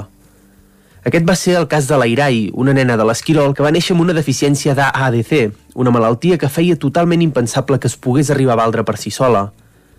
Amb una situació complicada com la que els venia per davant, els pares de l'Airai van fer de tot menys rendir-se i van tirar endavant una associació que des de ja fa quasi 7 anys treballa per visibilitzar aquesta patologia. La manca d'AADC és una malaltia que només pateixen dues nenes a tot el territori espanyol, però això no va impedir que l'associació Irai s'emmirallés amb altres entitats d'arreu del món per tirar endavant una associació que, tot i el pas dels anys i la millora de l'Airai, segueix més viva que mai. I és per això que avui, aquí al programa Solidaris, des de Ràdio Vic i a través de l'antena del Territori 17, seguim el nostre camí centrat amb l'atenció a la infància parlant amb la Carolina Moreno, presidenta de l'entitat Mare de l'Airai i impulsora, conjuntament amb el seu marit, de tot aquest projecte. L'origen ens hauria de remuntar una miqueta quan l'Airai va néixer, ara tot just farà 7 anys, eh, encara no, i va néixer eh, amb una malaltia molt, molt, molt rara, només hi ha 130 casos al món d'aquesta malaltia. A Espanya eh, hi ha dos casos i, i la veritat és que comença una miqueta per aquí, amb la recerca de, de possibles eh, teràpies que poguessin ajudar la nostra filla a tenir una qualitat de vida més òptima, més, més viable per ella. I, I amb aquesta recerca vam trobar que, que hi havia una associació a Anglaterra, que és l'única que hi havia en aquell moment que aglutinava doncs, tots aquests nens amb aquesta malaltia, que es diu deficiència d'AADC, i, i llavors eh, quan vam descobrir tota la feina que havíem fet de sensibilització, d'apropar aquesta malaltia doncs, a recerques que, que en aquell moment eh, s'estaven tirant endavant per, per buscar possibles solucions. També l'acompanyament la, la, que feien els pares a nivell psicològic ens va agradar moltíssim i vas, vam sentir que nosaltres des d'aquí, des de la nostra casa, des de la nostra zona, des del nostre país, des de Catalunya, no? havíem de, de també fer alguna cosa per sensibilitzar i per, per intentar trobar alguna cura per a aquests nens. I així va ser com, com vam sortir una mica emmirallant-nos amb la feina que ja hi havia prèvia, però fent-la més local, més, més nacional. No? Que van sortir una mica d'aquí de dir és que no són tan pocs, o sigui, sí que són pocs a nivell d'aquesta concreció d'aquesta malaltia, però quan ens, si ens ajuntéssim, diguéssim, tots els que tenim un fill o, o una filla amb una malaltia rara, sigui quin sigui, eh, realment és que són moltíssima gent són moltíssima gent, no? malauradament, però, però és així. Llavors, surt més que res aquesta necessitat de dir, de donar-li visió, eh, de dir, no volíem que la nostra filla fos un secret, no volíem que la, nostra, la malaltia de la nostra filla fos un tabú i, i això per una banda i per una altra banda volíem buscar tot el que hi hagués per buscar per, per que, que pogués ajudar a aquesta millora de qualitat de vida. La deficiència d'ADC en molts llocs es menciona com el Parkinson infantil, però la pràctica impedeix que les persones que ho pateixen puguin tenir una vida normal i puguin valdre's per si mateixos. Moreno fa 5 cèntims de què implica aquesta patologia. La deficiència de ADC el que fa és que a nivell psicomotor, doncs, eh, bàsicament mm, els nens no es puguin moure. Mm, hi ha la, dopamina, diguéssim, i la serotonina, que són dues hormones que tenim al nostre cos, i hi ha un enzim que, que no les acaba de, de sintetitzar. Llavors, al no sintetitzar-ho, doncs, no es produeix. I al no es produir-se, doncs, tenim per un costat la dopamina, que és l'encarregada del moviment, que, que, no, que no es dona, i quan parlo del moviment, parlo de tot el moviment. És a dir, eh, portar-se la mà a la boca, eh, poder aguantar el cap, eh, poder aguantar el tronquiar, ciència-ficció, mm, deglutir en alguns casos es pot aconseguir però amb molta feina. O sigui, perquè ens sembla una mica així a grosso modo l'airai abans de l'operació perquè això també hi ha un abans i un després abans de l'operació era com una nina de drap en la qual només podia obrir i tancar els ulls i sí que molt d'esforç va aconseguir menjar triturat. Però, però era una nina de drap que no podia moure's. A nivell a més a més que tenim això, la dopamina tenim la serotonina, que a més a més la serotonina el que ens fa és que eh, el tema de la son, el tema del plaer, el tema que és l'encarregada, eh, la, aquesta hormona, de tot això, doncs també li costi més.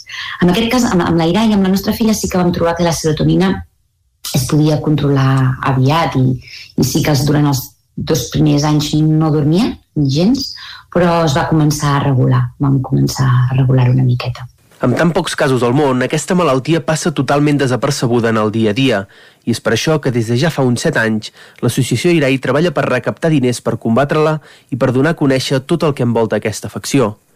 I tot això ho fa sempre a través de reunions i, sobretot, de festes. Ara mateix l'associació IRAI eh, fa un cop a l'any una gran festa nosaltres diem que l'Àlex i jo, que som els promotors, l'Àlex és el pare de l'Airai, eh, que som els grans promotors de, de l'associació, eh, sempre vam dir que una gran manera que nosaltres teníem de, de conscienciar era fent festes. Ens agrada molt, ens agrada molt l'espai de, de poder retrobar-nos amb la gent que ens estimem, amb la gent que, que hi creu, amb una manera de fer diferent no? de, de conscienciació, doncs una mica el que parlàvem. I llavors un cop a l'any fem una, una gran festa en la qual doncs, eh, hi ha una part d'explicació del que, del que s'està fent, dels diferents projectes que s'estan tirant endavant i, i bàsicament això.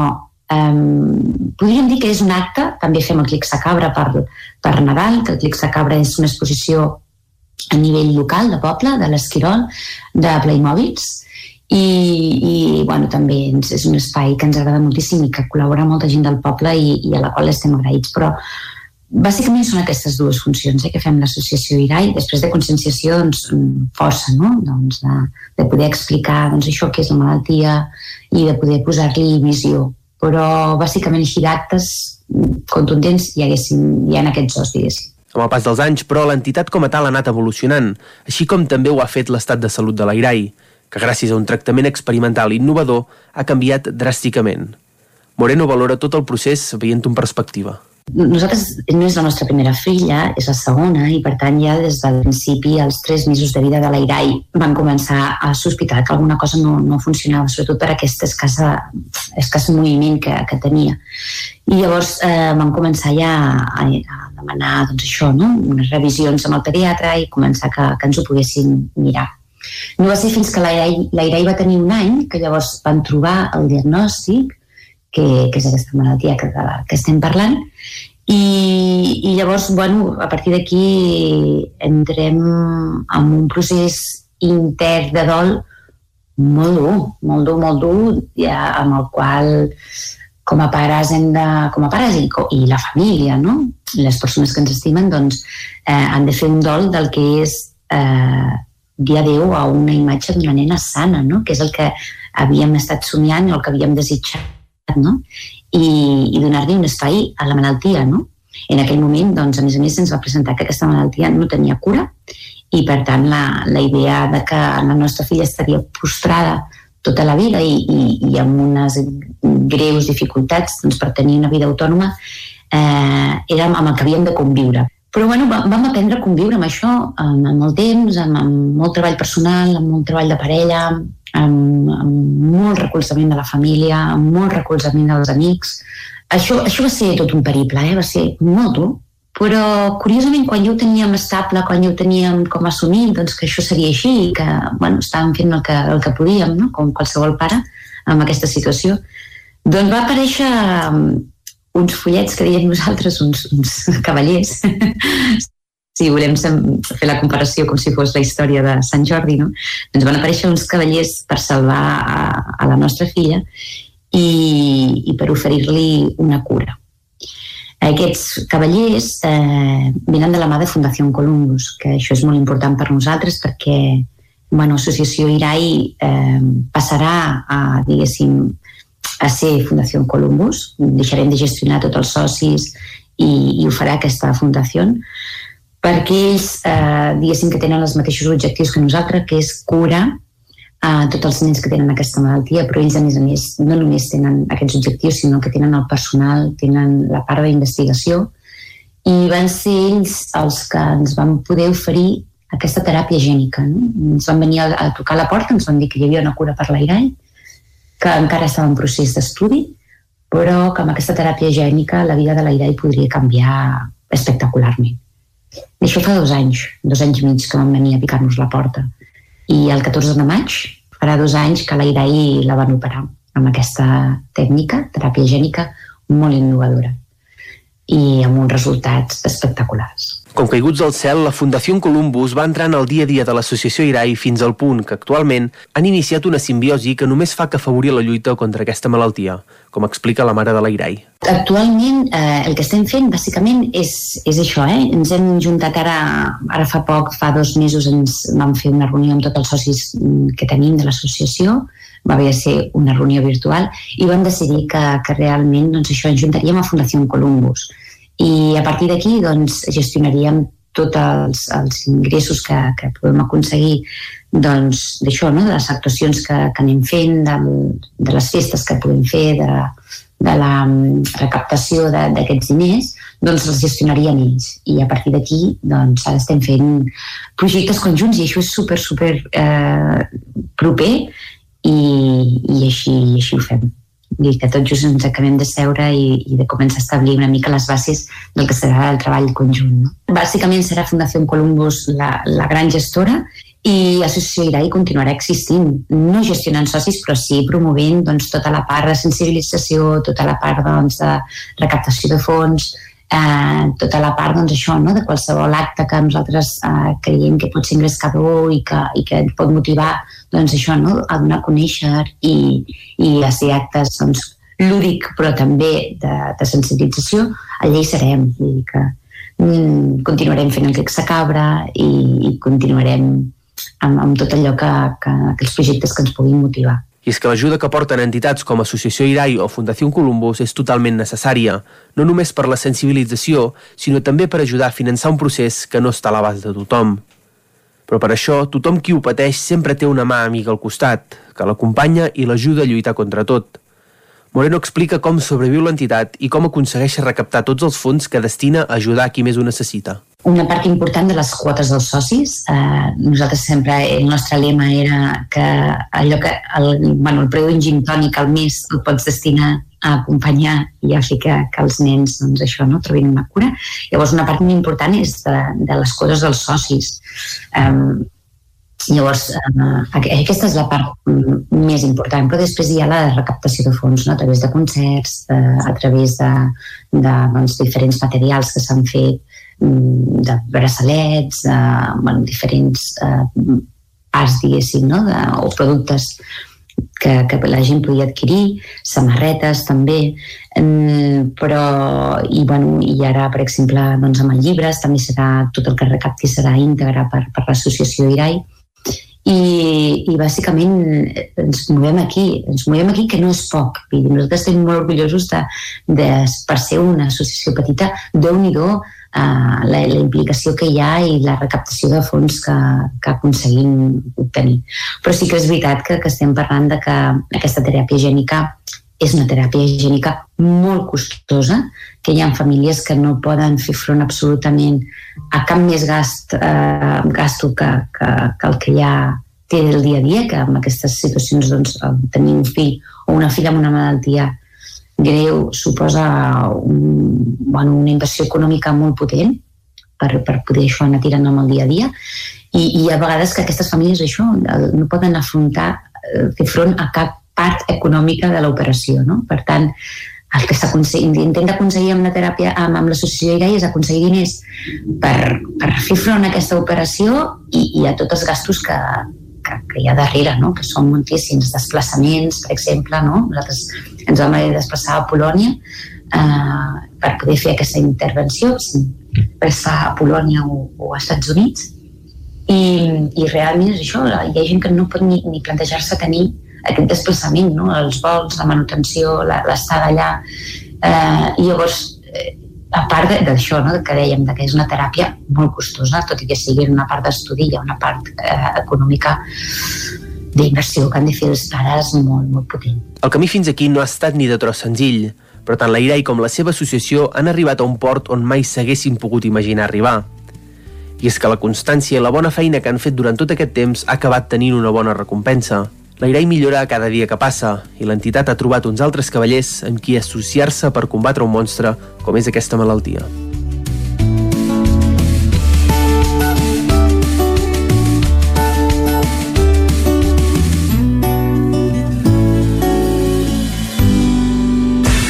El nou FM, la ràdio de casa, al 92.8.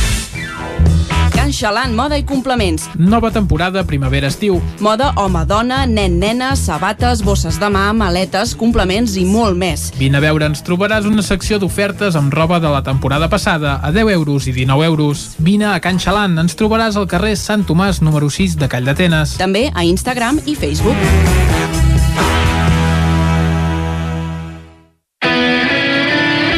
Armínia Pineda, tot en tèxtils per a la decoració. T'ajudem a aconseguir l'ambient que tu vulguis.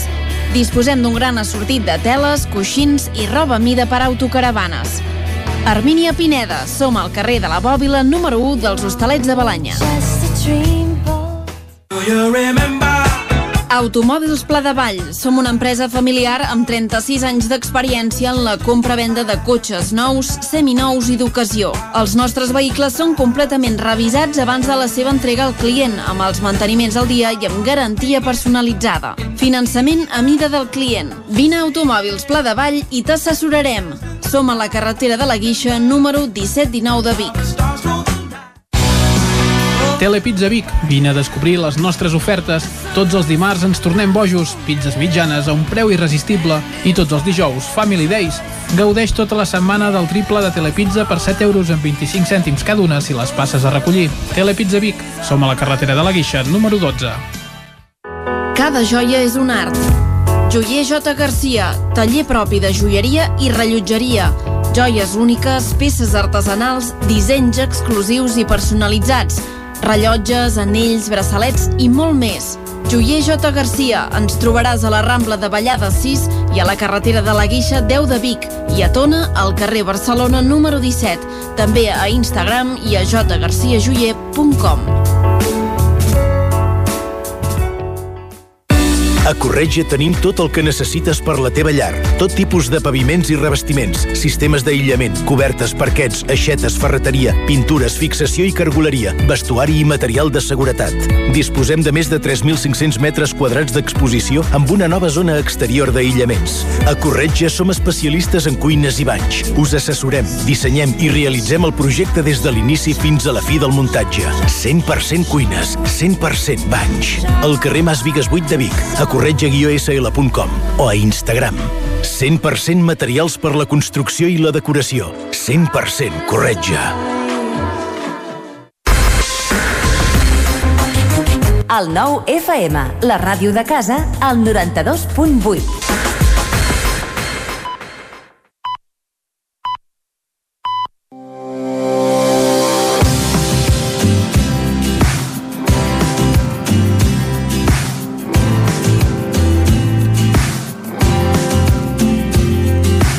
Martorelles està situat a la comarca del Vallès Oriental, entre les serralades litoral i prelitoral. Tot i que al llarg dels anys han existit diverses teories per explicar els orígens del topònim del poble, la hipòtesi més acceptada es vincula a l'arbust de la murtra, una espècie molt abundant a la zona i a tota l'àrea de la Mediterrània. La masia de Can Camp estava situada sobre el torrent de les Lligorelles, en una plana suportada per un mur de contenció, que encara és visible.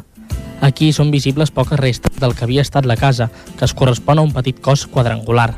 L'espai ha quedat cobert de vegetació. Sota la plana de la casa, a nivell del torrent, encara hi ha la popular font i el safreig de Can Camp. La masia de Carrencà es troba construïda a la part baixa del nucli urbà, sobre la carretera de Montornès. Una part de la finca ha quedat sense urbanitzar, al centre del qual hi trobem el conjunt arquitectònic format per la masia, la capella, el celler, el pou i la masoveria. Des de la carretera s'enfila un camí que porta al recinte del mas, que queda tancat per una lliça. El volum principal és de tres crugies, consta de planta baixa, pis i golfes i té la coberta a dues vessants amb el carener perpendicular a la façana. Al centre del frontis hi ha un portal d'arc de mig punt adovellat, des del qual arrenca el suport forjat del balcó del primer pis. Aquest té accés des d'un finestral d'arc pla de pedra carejada, com també ho és el finestral del costat. La resta d'obertures del volum són arrebossades, emmarcades de diferents tonalitats imitant la pedra carejada. Entre les finestres del segon nivell hi ha pintat un rellotge de sol ovalat. A l'interior es conserven la major part dels paviments de tova originals, així com cairats de fusta dels sostres. A Can Carrencà hi trobem una galeria subterrània que transcorre el subsol de la masia de Carrencà, del qual se'n desconeix el traçat. Segons testimonis orals, la galeria tenia un recorregut considerable per sota la casa. Expliquen que a l'interior s'hi va trobar una màquina de fer moneda i batum. Està excavada directament del terra.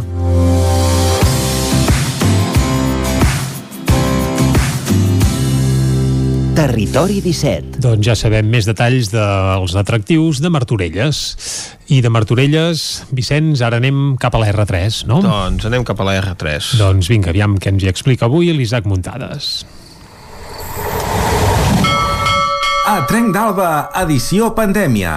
Ara sense els usuaris que ens explicaven les seves desgràcies a la R3, però amb els mateixos retards i problemes de sempre.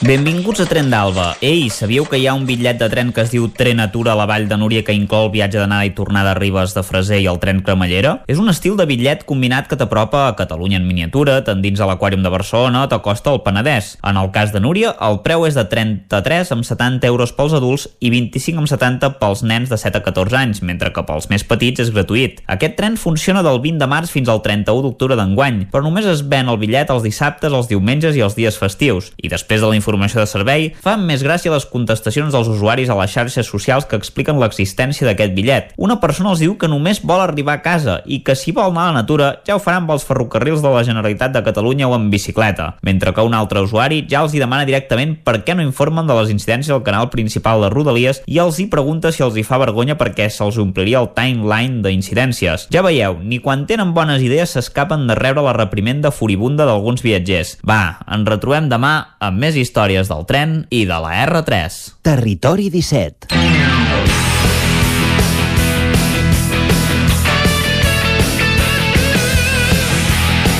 I després d'haver anat a Martorelles i passar per la R3, quan passen 4 minuts de dos quarts de 12 del migdia, és el moment aquí a Territori 17 de començar la nostra tertúlia esportiva de tots els dilluns, com sempre, amb els tertulians habituals, el Lluís de Planell, amb el cor Perico, el Guillem Freixa, amb el cor Blaugrana, i l'Isaac Muntades, amb el cor uh, Blanquet, Blanquet. Uh, Vicenç Vigues, el teu cor, uh, com el tindríem? Doncs ara mateix... Blaugrana. eh, accelerat a punt de fer tertúlia amb una jornada doncs, que ha portat coses bones i coses dolentes, però la més bona de totes perquè és la primera vegada que un equip de la península ibèrica guanya una Champions, l'ha portat el Barça femení.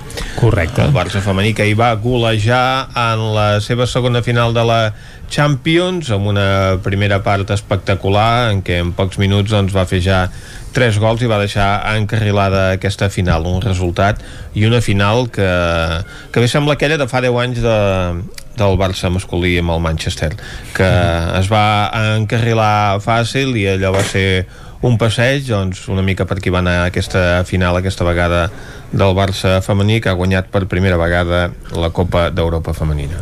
Sí, jo crec que és això, eh? un, un fet eh, històric en el món de l'esport, eh? eh? més enllà del el, que ha sigut el, el Barça i, i que, que, bueno, que és el primer equip català i espanyol d'aconseguir uh -huh. aquest títol de, de, de la Copa d'Europa. Jo crec que eh, important um, i a més a més amb la manera com, com es va fer, no? Bé, el, ara hem de donar importància en un tema, el futbol femení, que no n'havíem parlat de tota la temporada, pràcticament, però esclar, en, si hem d'amagar les vergonyes amb, no, no, jo crec que amb competicions no és... de, a un altre nivell doncs, no, un altre nivell no, és la Champions femenina i, i és el que dèiem avui repassaven, per exemple al matí repassaven els, les audiències i és veritat que es va fer en obert per tant a l'abast de, de tothom però no... és com es mesuren les coses. Sí, no... l'interès que desperta una competició es mesura amb les retransmissions en oberts. Sí. no, hi ha, no hi ha volta de full. I que tot té un procés, vull dir, fa eh, 25 anys enrere o 30, o 30 anys enrere també veiem el Barça no? per, en mm -hmm. obert i això es va detectar que generava un interès, que hi havia un públic a darrere i es va anar derivant cap als drets televisius, les plataformes de pagament. Amb el futbol femení ara sembla que comença a haver aquest interès i veurem si en els propers anys Uh, la roda comença a girar i comencen a entrar-hi patrocinadors més potents. Hi havia un Barça i un altres equips que jugaven a futbol també, no? Sí. O només jugava al Barça? No, no, i jugava... Una... perquè, clar... O sigui, en, en Lluís vol recordar que els primers que van apostar pel, pel futbol femení sí. va ser l'Espanyol, sí. però ara, com que les coses no els hi van gaire bé a la Lliga, doncs... No, perquè, o sigui, el que ha canviat és les regles del joc. Uh -huh. Vull dir, el, el futbol femení estava en unes condicions i ara està en unes altres. Però... i, i llavors aquestes altres només estan a l'abast en aquests moments només d'un sol equip a, a l'estat espanyol. Sí, però... perquè els altres no poden competir. El, el Barça fa no sé quants eh, mesos que no, no perd un partit ni l'empata. No, uh -huh. però jo crec que, que s'hi enganxaran que tot, és, la, és la roda que comença a girar. Jo crec que el que no era normal era el de fa uns anys que els equips de futbol femení fins i tot amb escuts i amb clubs al darrere eh, diguem-ne, potents de, de primeríssim nivell eh, estiguessin en la situació que, que estaven. I... Quan, quants, quants espectadors hi ha ara aquesta temporada cap? No. Eh, però quants espectadors hi havia quan podia entrar la gent al camp amb un, amb un partit Però cada cop més. Femení? Cada pel proper, cop més. Pel proper partit de, que juga aquesta setmana de Lliga al Barça, doncs ja no queden entrades. Sí, sí de les mil que d'això, sí. Sí, Bé, però de les mil que per algun lloc s'ha de començar, jo crec que... Eh, eh, no sé quin mitjà ho deia aquesta setmana. Eh, el que cobra més del Barça és un sí. senyor que es diu eh, Messi, que ja sí. el coneixeu, 71 uh -huh. milions. La jugadora que cobra més del Barça, mig milió. No, no, és que la, o sigui, Clar. la diferència doncs encara és... milió, és, jo, perdó, eh, ho trobo molt, moltíssim, perquè... La que cobra més, eh? Sí, sí, sí, sí és, que, és que ja ho, trobo, ja ho trobo molt, perquè ja ho trobo per un jugador de futbol, però és evident. Però a, a, a darrere també hi ha el negoci que genera al capdavall. Mm.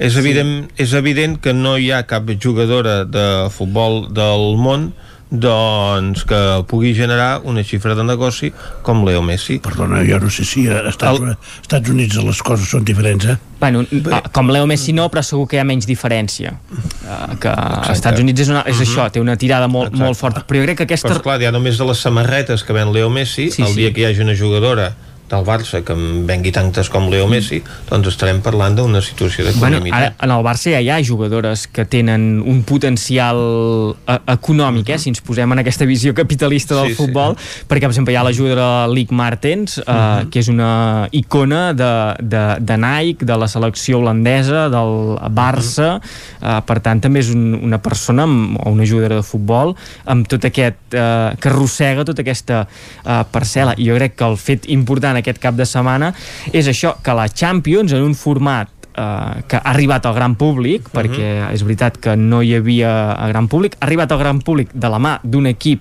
uh, espanyol o, o català, com se'n vulgui uh, dir, doncs uh, la, el primer equip de l'estat espanyol que ha guanyat uh, la Copa d'Europa és el Barça, i això és, jo crec que és un fet històric i que d'aquí uns anys, quan el Madrid, l'Atlético o per què no l'Espanyol eh, si acaba apostant pel futbol femení guanyin la Champions? Sempre es recordarà que la primera eh, la va aconseguir el, al Barça. I, i jo crec que també és normalitzar aquest fet perquè hi ha moltes noies que uh, tenen ara de referents uh, a Messi, segurament sí per tot el que comporta, però també uh, els agrada com juga uh, Alexia Putelles o, o Lic Martens. I això, uh -huh. no sé, recordo quan era petit que tenia noies a la meva classe que jugaven a futbol i jugaven a futbol realment bé uh -huh. i no tenien aquests referents. I ara uh -huh. els poden tenir. I jo crec que és aquest fet que va més enllà de l'esport que també se li ha de donar uh, importància i que ja es veurà si això té recorregut i segur que no s'arribarà als volums i a les dimensions de, del futbol masculí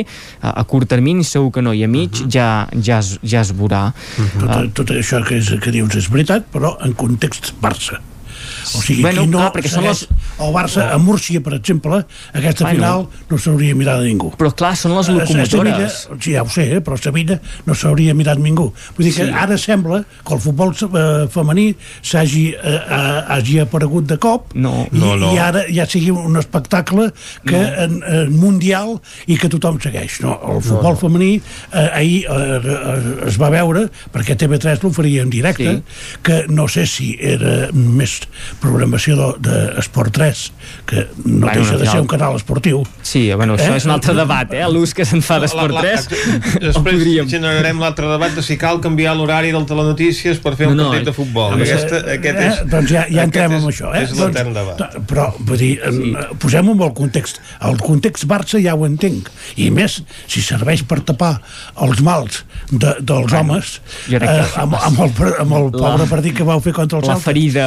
I, i amb el descens no, eh, l'ascens no consumat de, del bé, mm. doncs vull dir, ja entenc que el, les, les, les noies serveixen per tapar tot això, però eh, això també existeix. Jo eh? crec que la ferida del, del no primer equip masculí no. fa temps que, que està suporant i que sí, que pot ser una petita venda el de posar-hi uh, el, el femení però uh, una, tirita, eh? una tirita, una tirita d'aquelles de, de coloraines eh, de... 864.000 espectadors va tenir a Catalunya sí. aquest partit i un 31,6% de share. La gran majoria el van seguir per la Corporació Catalana TV3 i Esport 3 amb un 28,4% perquè també el donava gol a TV Mm. aquest, aquest uh, partit no hem sentit encara l'Isaac Muntades Sí. que treu faves d'olla perquè el Madrid va guanyar ahir 0 a 1 Sí, no, bueno, però volia comentar un moment això també del futbol femení uh -huh. que, que, que comentàveu que,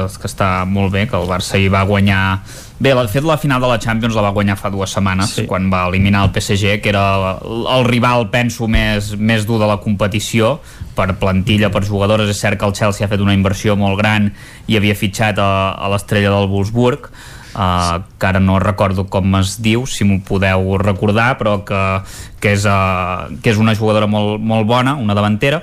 Però uh, bueno, ahir el partit jo vaig veure la primera part la segona ja no la vaig veure perquè ja no valia la pena perquè anava, anaven 4-0 per no haver de patir no, no val la pena. No, no, no, no, no patir gens. Vull dir, no, m'e- m'era igual qui, si guanyava el Barça no passa res, està bé. Vull dir Uh, jo només uh, el meu odi al processo contra uh, els equips masculins del Barça les, en canvi uh, l'equip femení em feia gràcia i tot que si feia un bon resultat vull dir que que em va agradar bastant a l'equip i tenen jugadores molt bones. La, la Lique Mertens ja sabia que era molt bona i va fer el que va voler. La Itana Bonmatí també va fer el que va voler. Uh, aquella altra noia Um, La Hamraoui al mig del camp. el Hamraoui per mi va ser la, la, És- una de les millors jugadores d'ahir de, del partit, em recorda molt a Busquets, és Sí, una sí. jugadora que va recuperar un munt de pilotes, eh, es va fer un far de tallar, eh, conduïa i, i té pelazo, vull dir, és que ho té tot. És, no, no, que això és, una, és, és brutal, vull dir, va fer un molt bon partit i, i el Chelsea al segona part per lo que vaig veure sí que va despertar una mica però no, però no, no, va, no va fer gaire res el Barça va ser molt superior com va ser tota la temporada, vull dir. No... I, i del Madrid que deia en Vicenç pues, uh, Va ser feliç uns instants. jo durant un rato uh, pensava que que a veure quan marcaria l'Atlètic de Madrid la remuntada és l'únic que pensava, perquè estava clar que remuntaria l'Atlètic de Madrid vull doncs dir, al eh, minut 88 ja saps Sí, sí, i després de la primera part en què hi va haver una altra mà uh, escatimada per l'àrbit claríssima jo, jo ja algo de les mans ja és cada jornada, eh? però és que sembla que ho facin expressament era mà, no? Vull dir, m'ho reconeixereu, no? Sí, bueno, jo vaig escoltava uh, la retransmissió i em va agradar en Valdano que deia és, és mano però luego hay quien legisla ca, cada uno legisla a su manera i vaig pensar, vull dir, és una mica la, la frase del despropòsit de, de les mans perquè, vull dir, jo crec que sí que Se suposa que Valdano és del Madrid que això Sí, també... I suposem, I suposem que parlava de futbol. Sí, aquí en aquest context sí.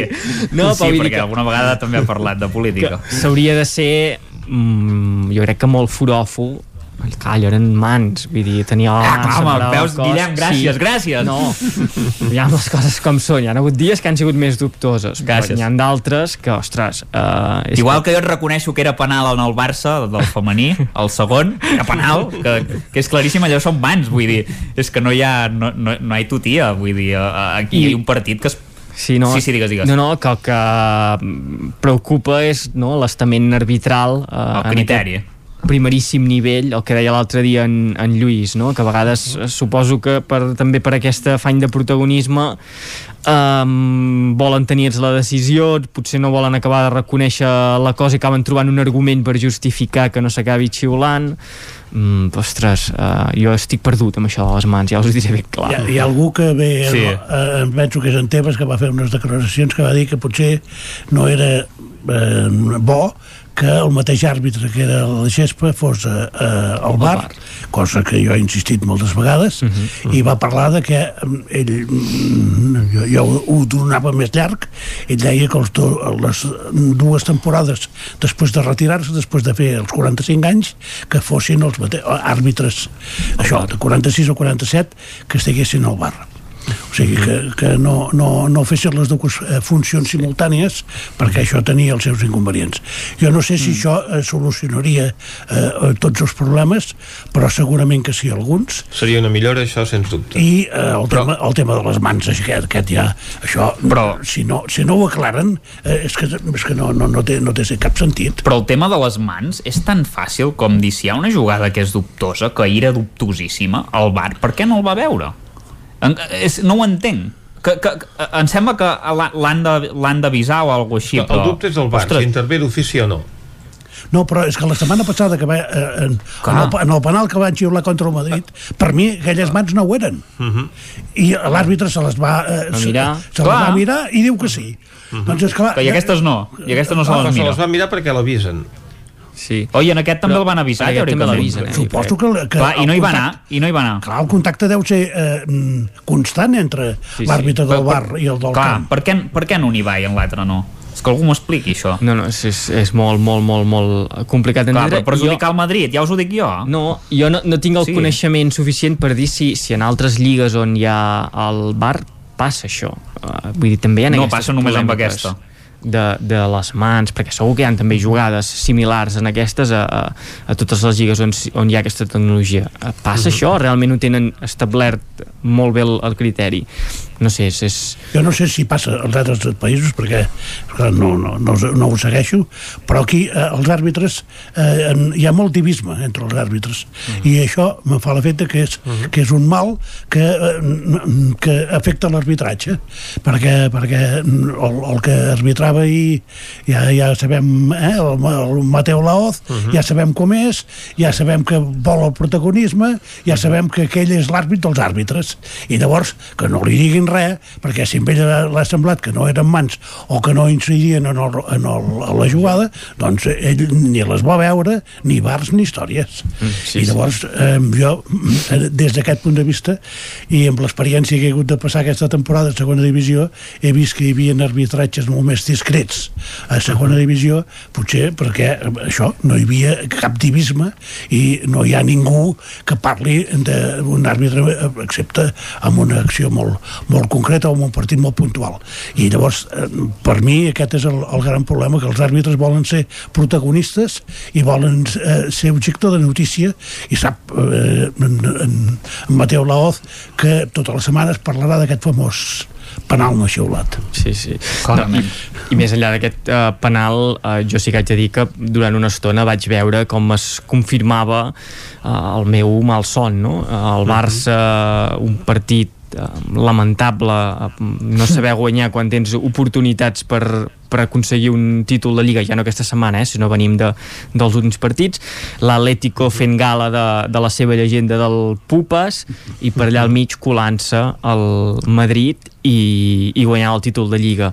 I va haver una estona que vaig patir de veritat, però sort que Luis Suárez doncs ja que no ha pogut marcar Va gols exercir de barcelonista. Sí.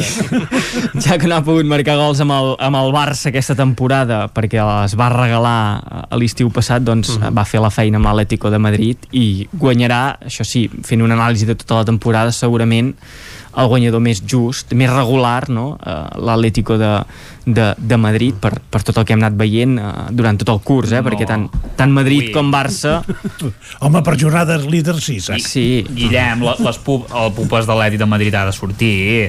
Ahir no era el dia, el dia és la setmana que La ve. setmana que ve, que farà, hosti. que farà el més mal. partit més complicat el té el Madrid, precisament, no? Bueno, El Madrid, Bueno. el Madrid que, juga, que el Villarreal juga al cap de 3 dies al, al, Sí. bueno, perdó, 4 que ja li han, ja l'han endarrerit el partit per, per conten- acontentar-los i els hi han posat que- el dissabte és que no s'hi juga res el Villarreal a la Lliga no. i l'Atlético amb el Valladolid, no? que em sembla que està amb, sí que estan, eh, jugant-se al el, descens el Villarreal s'hi juga eh, el partit de, de la final perquè Sí, sí, si guanya la final crec que accedeix directament a la Champions si no estic equivocat. Ja no a l'Europa League, a la Champions. Mhm. I, i em sembla que després eh, per tema de classificació sí que hauria de guanyar el partit per classificar-se en el cas de perdre la final Mhm. perquè té per davant el Betis i la Real Sí, Societat i el setè crec que no hi va en aquest cas o no sé si va a la Conference League aquella Sí, una- estranya que s'han muntat i, i això, però... de tota la vida Sí, però jo crec que el Madrid, tant de bo el Villarreal vagi amb un equip així una mica, bueno, de sí. campo i playa, que diríem, no? A passar una mica l'estona, que ens faci un favor, com l'any passat que vam guanyar la Lliga contra el Villarreal, i, Clar. i, i, i ho repetim i el Valladolid doncs allò que 0-0 tot el partit i a l'últim minut amb l'Atlètic blocat pam, contraatac, gol del Valladolid Valladolid salvat i Madrid campió això seria El que podria passar és que guanyés el Valladolid i baixés de la mateixa manera Mhm, perquè sí. també, també pot baixar també, sí. també. si l'Osca baixar, guanya baixa, el Valladolid encara que guanyi i, Se baixa, sí, i sí. que els perjudicats fossin tots dos vull dir que eh, Mhm. eh, això és interessant acabar la Lliga d'aquesta manera i qui no guanyarà és el Barça que mm, No. jo crec que al final de temporada no. ha sigut no, no. ha sigut lamentable perquè eh, amb una temporada d'alts i baixos a tots els nivells institucionals, esportius hi ha la Sí. sensació que en poc, en poc més es podia haver eh, optat al títol de, de Lliga, que no és cosa menor i que s'ha desaprofitat de l'oportunitat d'una manera lamentable perquè eh, tant el dia del Granada la setmana, sí. a mitja setmana passada també amb el, amb el Llevant que també et hagués servit per posar-te doncs ben bé en la, en la baralla i llavors Sí, ja sí. la última aquest cap de setmana amb jornada unificada que has d'estar amb una tensió brutal que vingui el Celta i que també et guanyi a casa jo Clar. crec que això és la, la, la sentència que el projecte Koeman no té futur. Vull dir, Koeman és el president que va escollir Bartomeu eh, i que n'ha fet entrenador. com a entrenador eh, ha anat sí. fent la viu-viu eh, tota la temporada i que s'ha de fer foc nou. I que fer foc nou segurament vol dir passar una temporada la, la que ve de, de pocs títols i poques alegries com per Ah, exemple eh? bueno sí però uh, Ja fent foc nou. no, no, no, no, però fent foc nou com va passar en la primera etapa de la porta no? que hi ha la temporada la, la 2003-2004 que uh, no es guanya si no vaig errat res però sí que hi ha una, una línia ascendent i que hi han tot de jugadors que comencen a, a fer una nova foronada que desencadenarà en la, en la Champions Qui- qui eh, contra l'Arsenal? Qui no s'ha de sé, fitxar, qui per què? puguin, però aquí és on ha de sortir el... Qui el... puguin, ostres. No, sí, sí, la secretaria tècnica, vull dir, està clar que no podràs anar a buscar les patums a, a nivell mundial, o potser en podràs anar a buscar una, però llavors ho has de vestir amb jugadors de segona fila bons, uh, no sé, en... en... Bé, el Kun ja ve. Sí, el Kun ve, però, però el Kun- clar, ve a, a jugar o ve a, ve a No, el punt ve a fer de, ve a fer de Suárez, o sigui, a fer amic del Messi. A fer el mate amb en sí. Messi. I, i, i, en- i enfonsar una mica més l'equip, que estava al Pou, l'equip, i ara després d'aquest cap de setmana, fent una mica d'acudit amb el cognom del golejador, està enterrat a la mina, el, el Barça. Vull dir, ja està. No, no, però... Se l'havia aquesta preparat. La tenia preparat. Se preparada. No, però, però lo, de, lo del Kun és, és, és, és broma, no? Perquè, clar, és un jugador que té 34, 35 anys, té. No, o, bueno, no sé quants anys té. 34. té. Ve jugar, amb els, 34 ve anys. jugar amb els veterans. Amb els Ve jugar amb els veterans del El Barça. Barça Legends. I, I a fer això que dius, a fer, a fer mate amb el Messi, perquè és un jugador que ara està més interessat en, en fer streams en directe amb l'Ibai Llanos Sí, i a sí. jugar al Fortnite que no a jugar al camp de futbol. Clar, jo crec que, que no... aquí ja, sí. ja demostren que potser Ah. el, el punt de mira no el tenim ben posat, Sí. perquè has d'anar a buscar... Jo no aniria a buscar que, el Kun, que ha sigut un No. grandíssim jugador, però Sí. que el recorregut que li queda és, és curtet.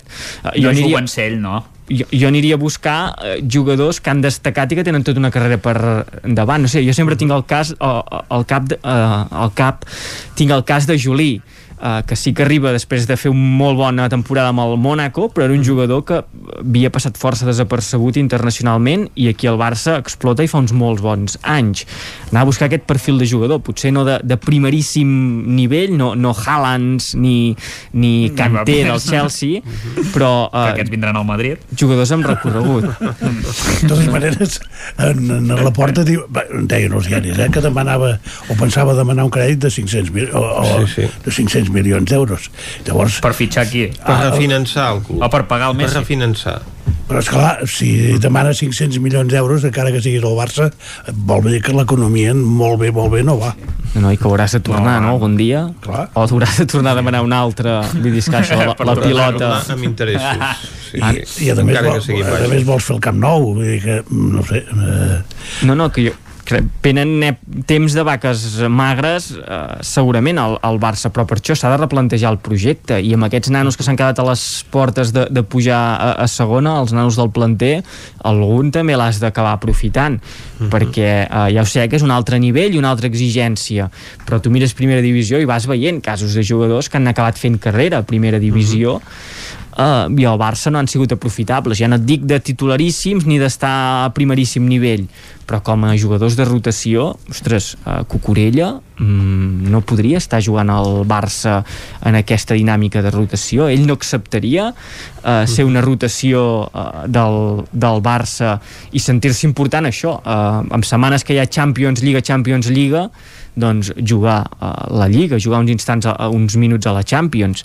no, no ho sé, jo crec que s'ha de replantejar una mica tot el el concepte del Barça uh -huh. i que Mhm. segurament el líder per qui s'apostarà serà, Xavi o, o s'intentarà apostar per, per Xavi que també és una aposta arriscada O- o Zidane. De, moment, han, de moment han començat les eh, converses I, i tu ja per acabar eh, Isaac, ets dels partidaris d'Alegri o de Raül?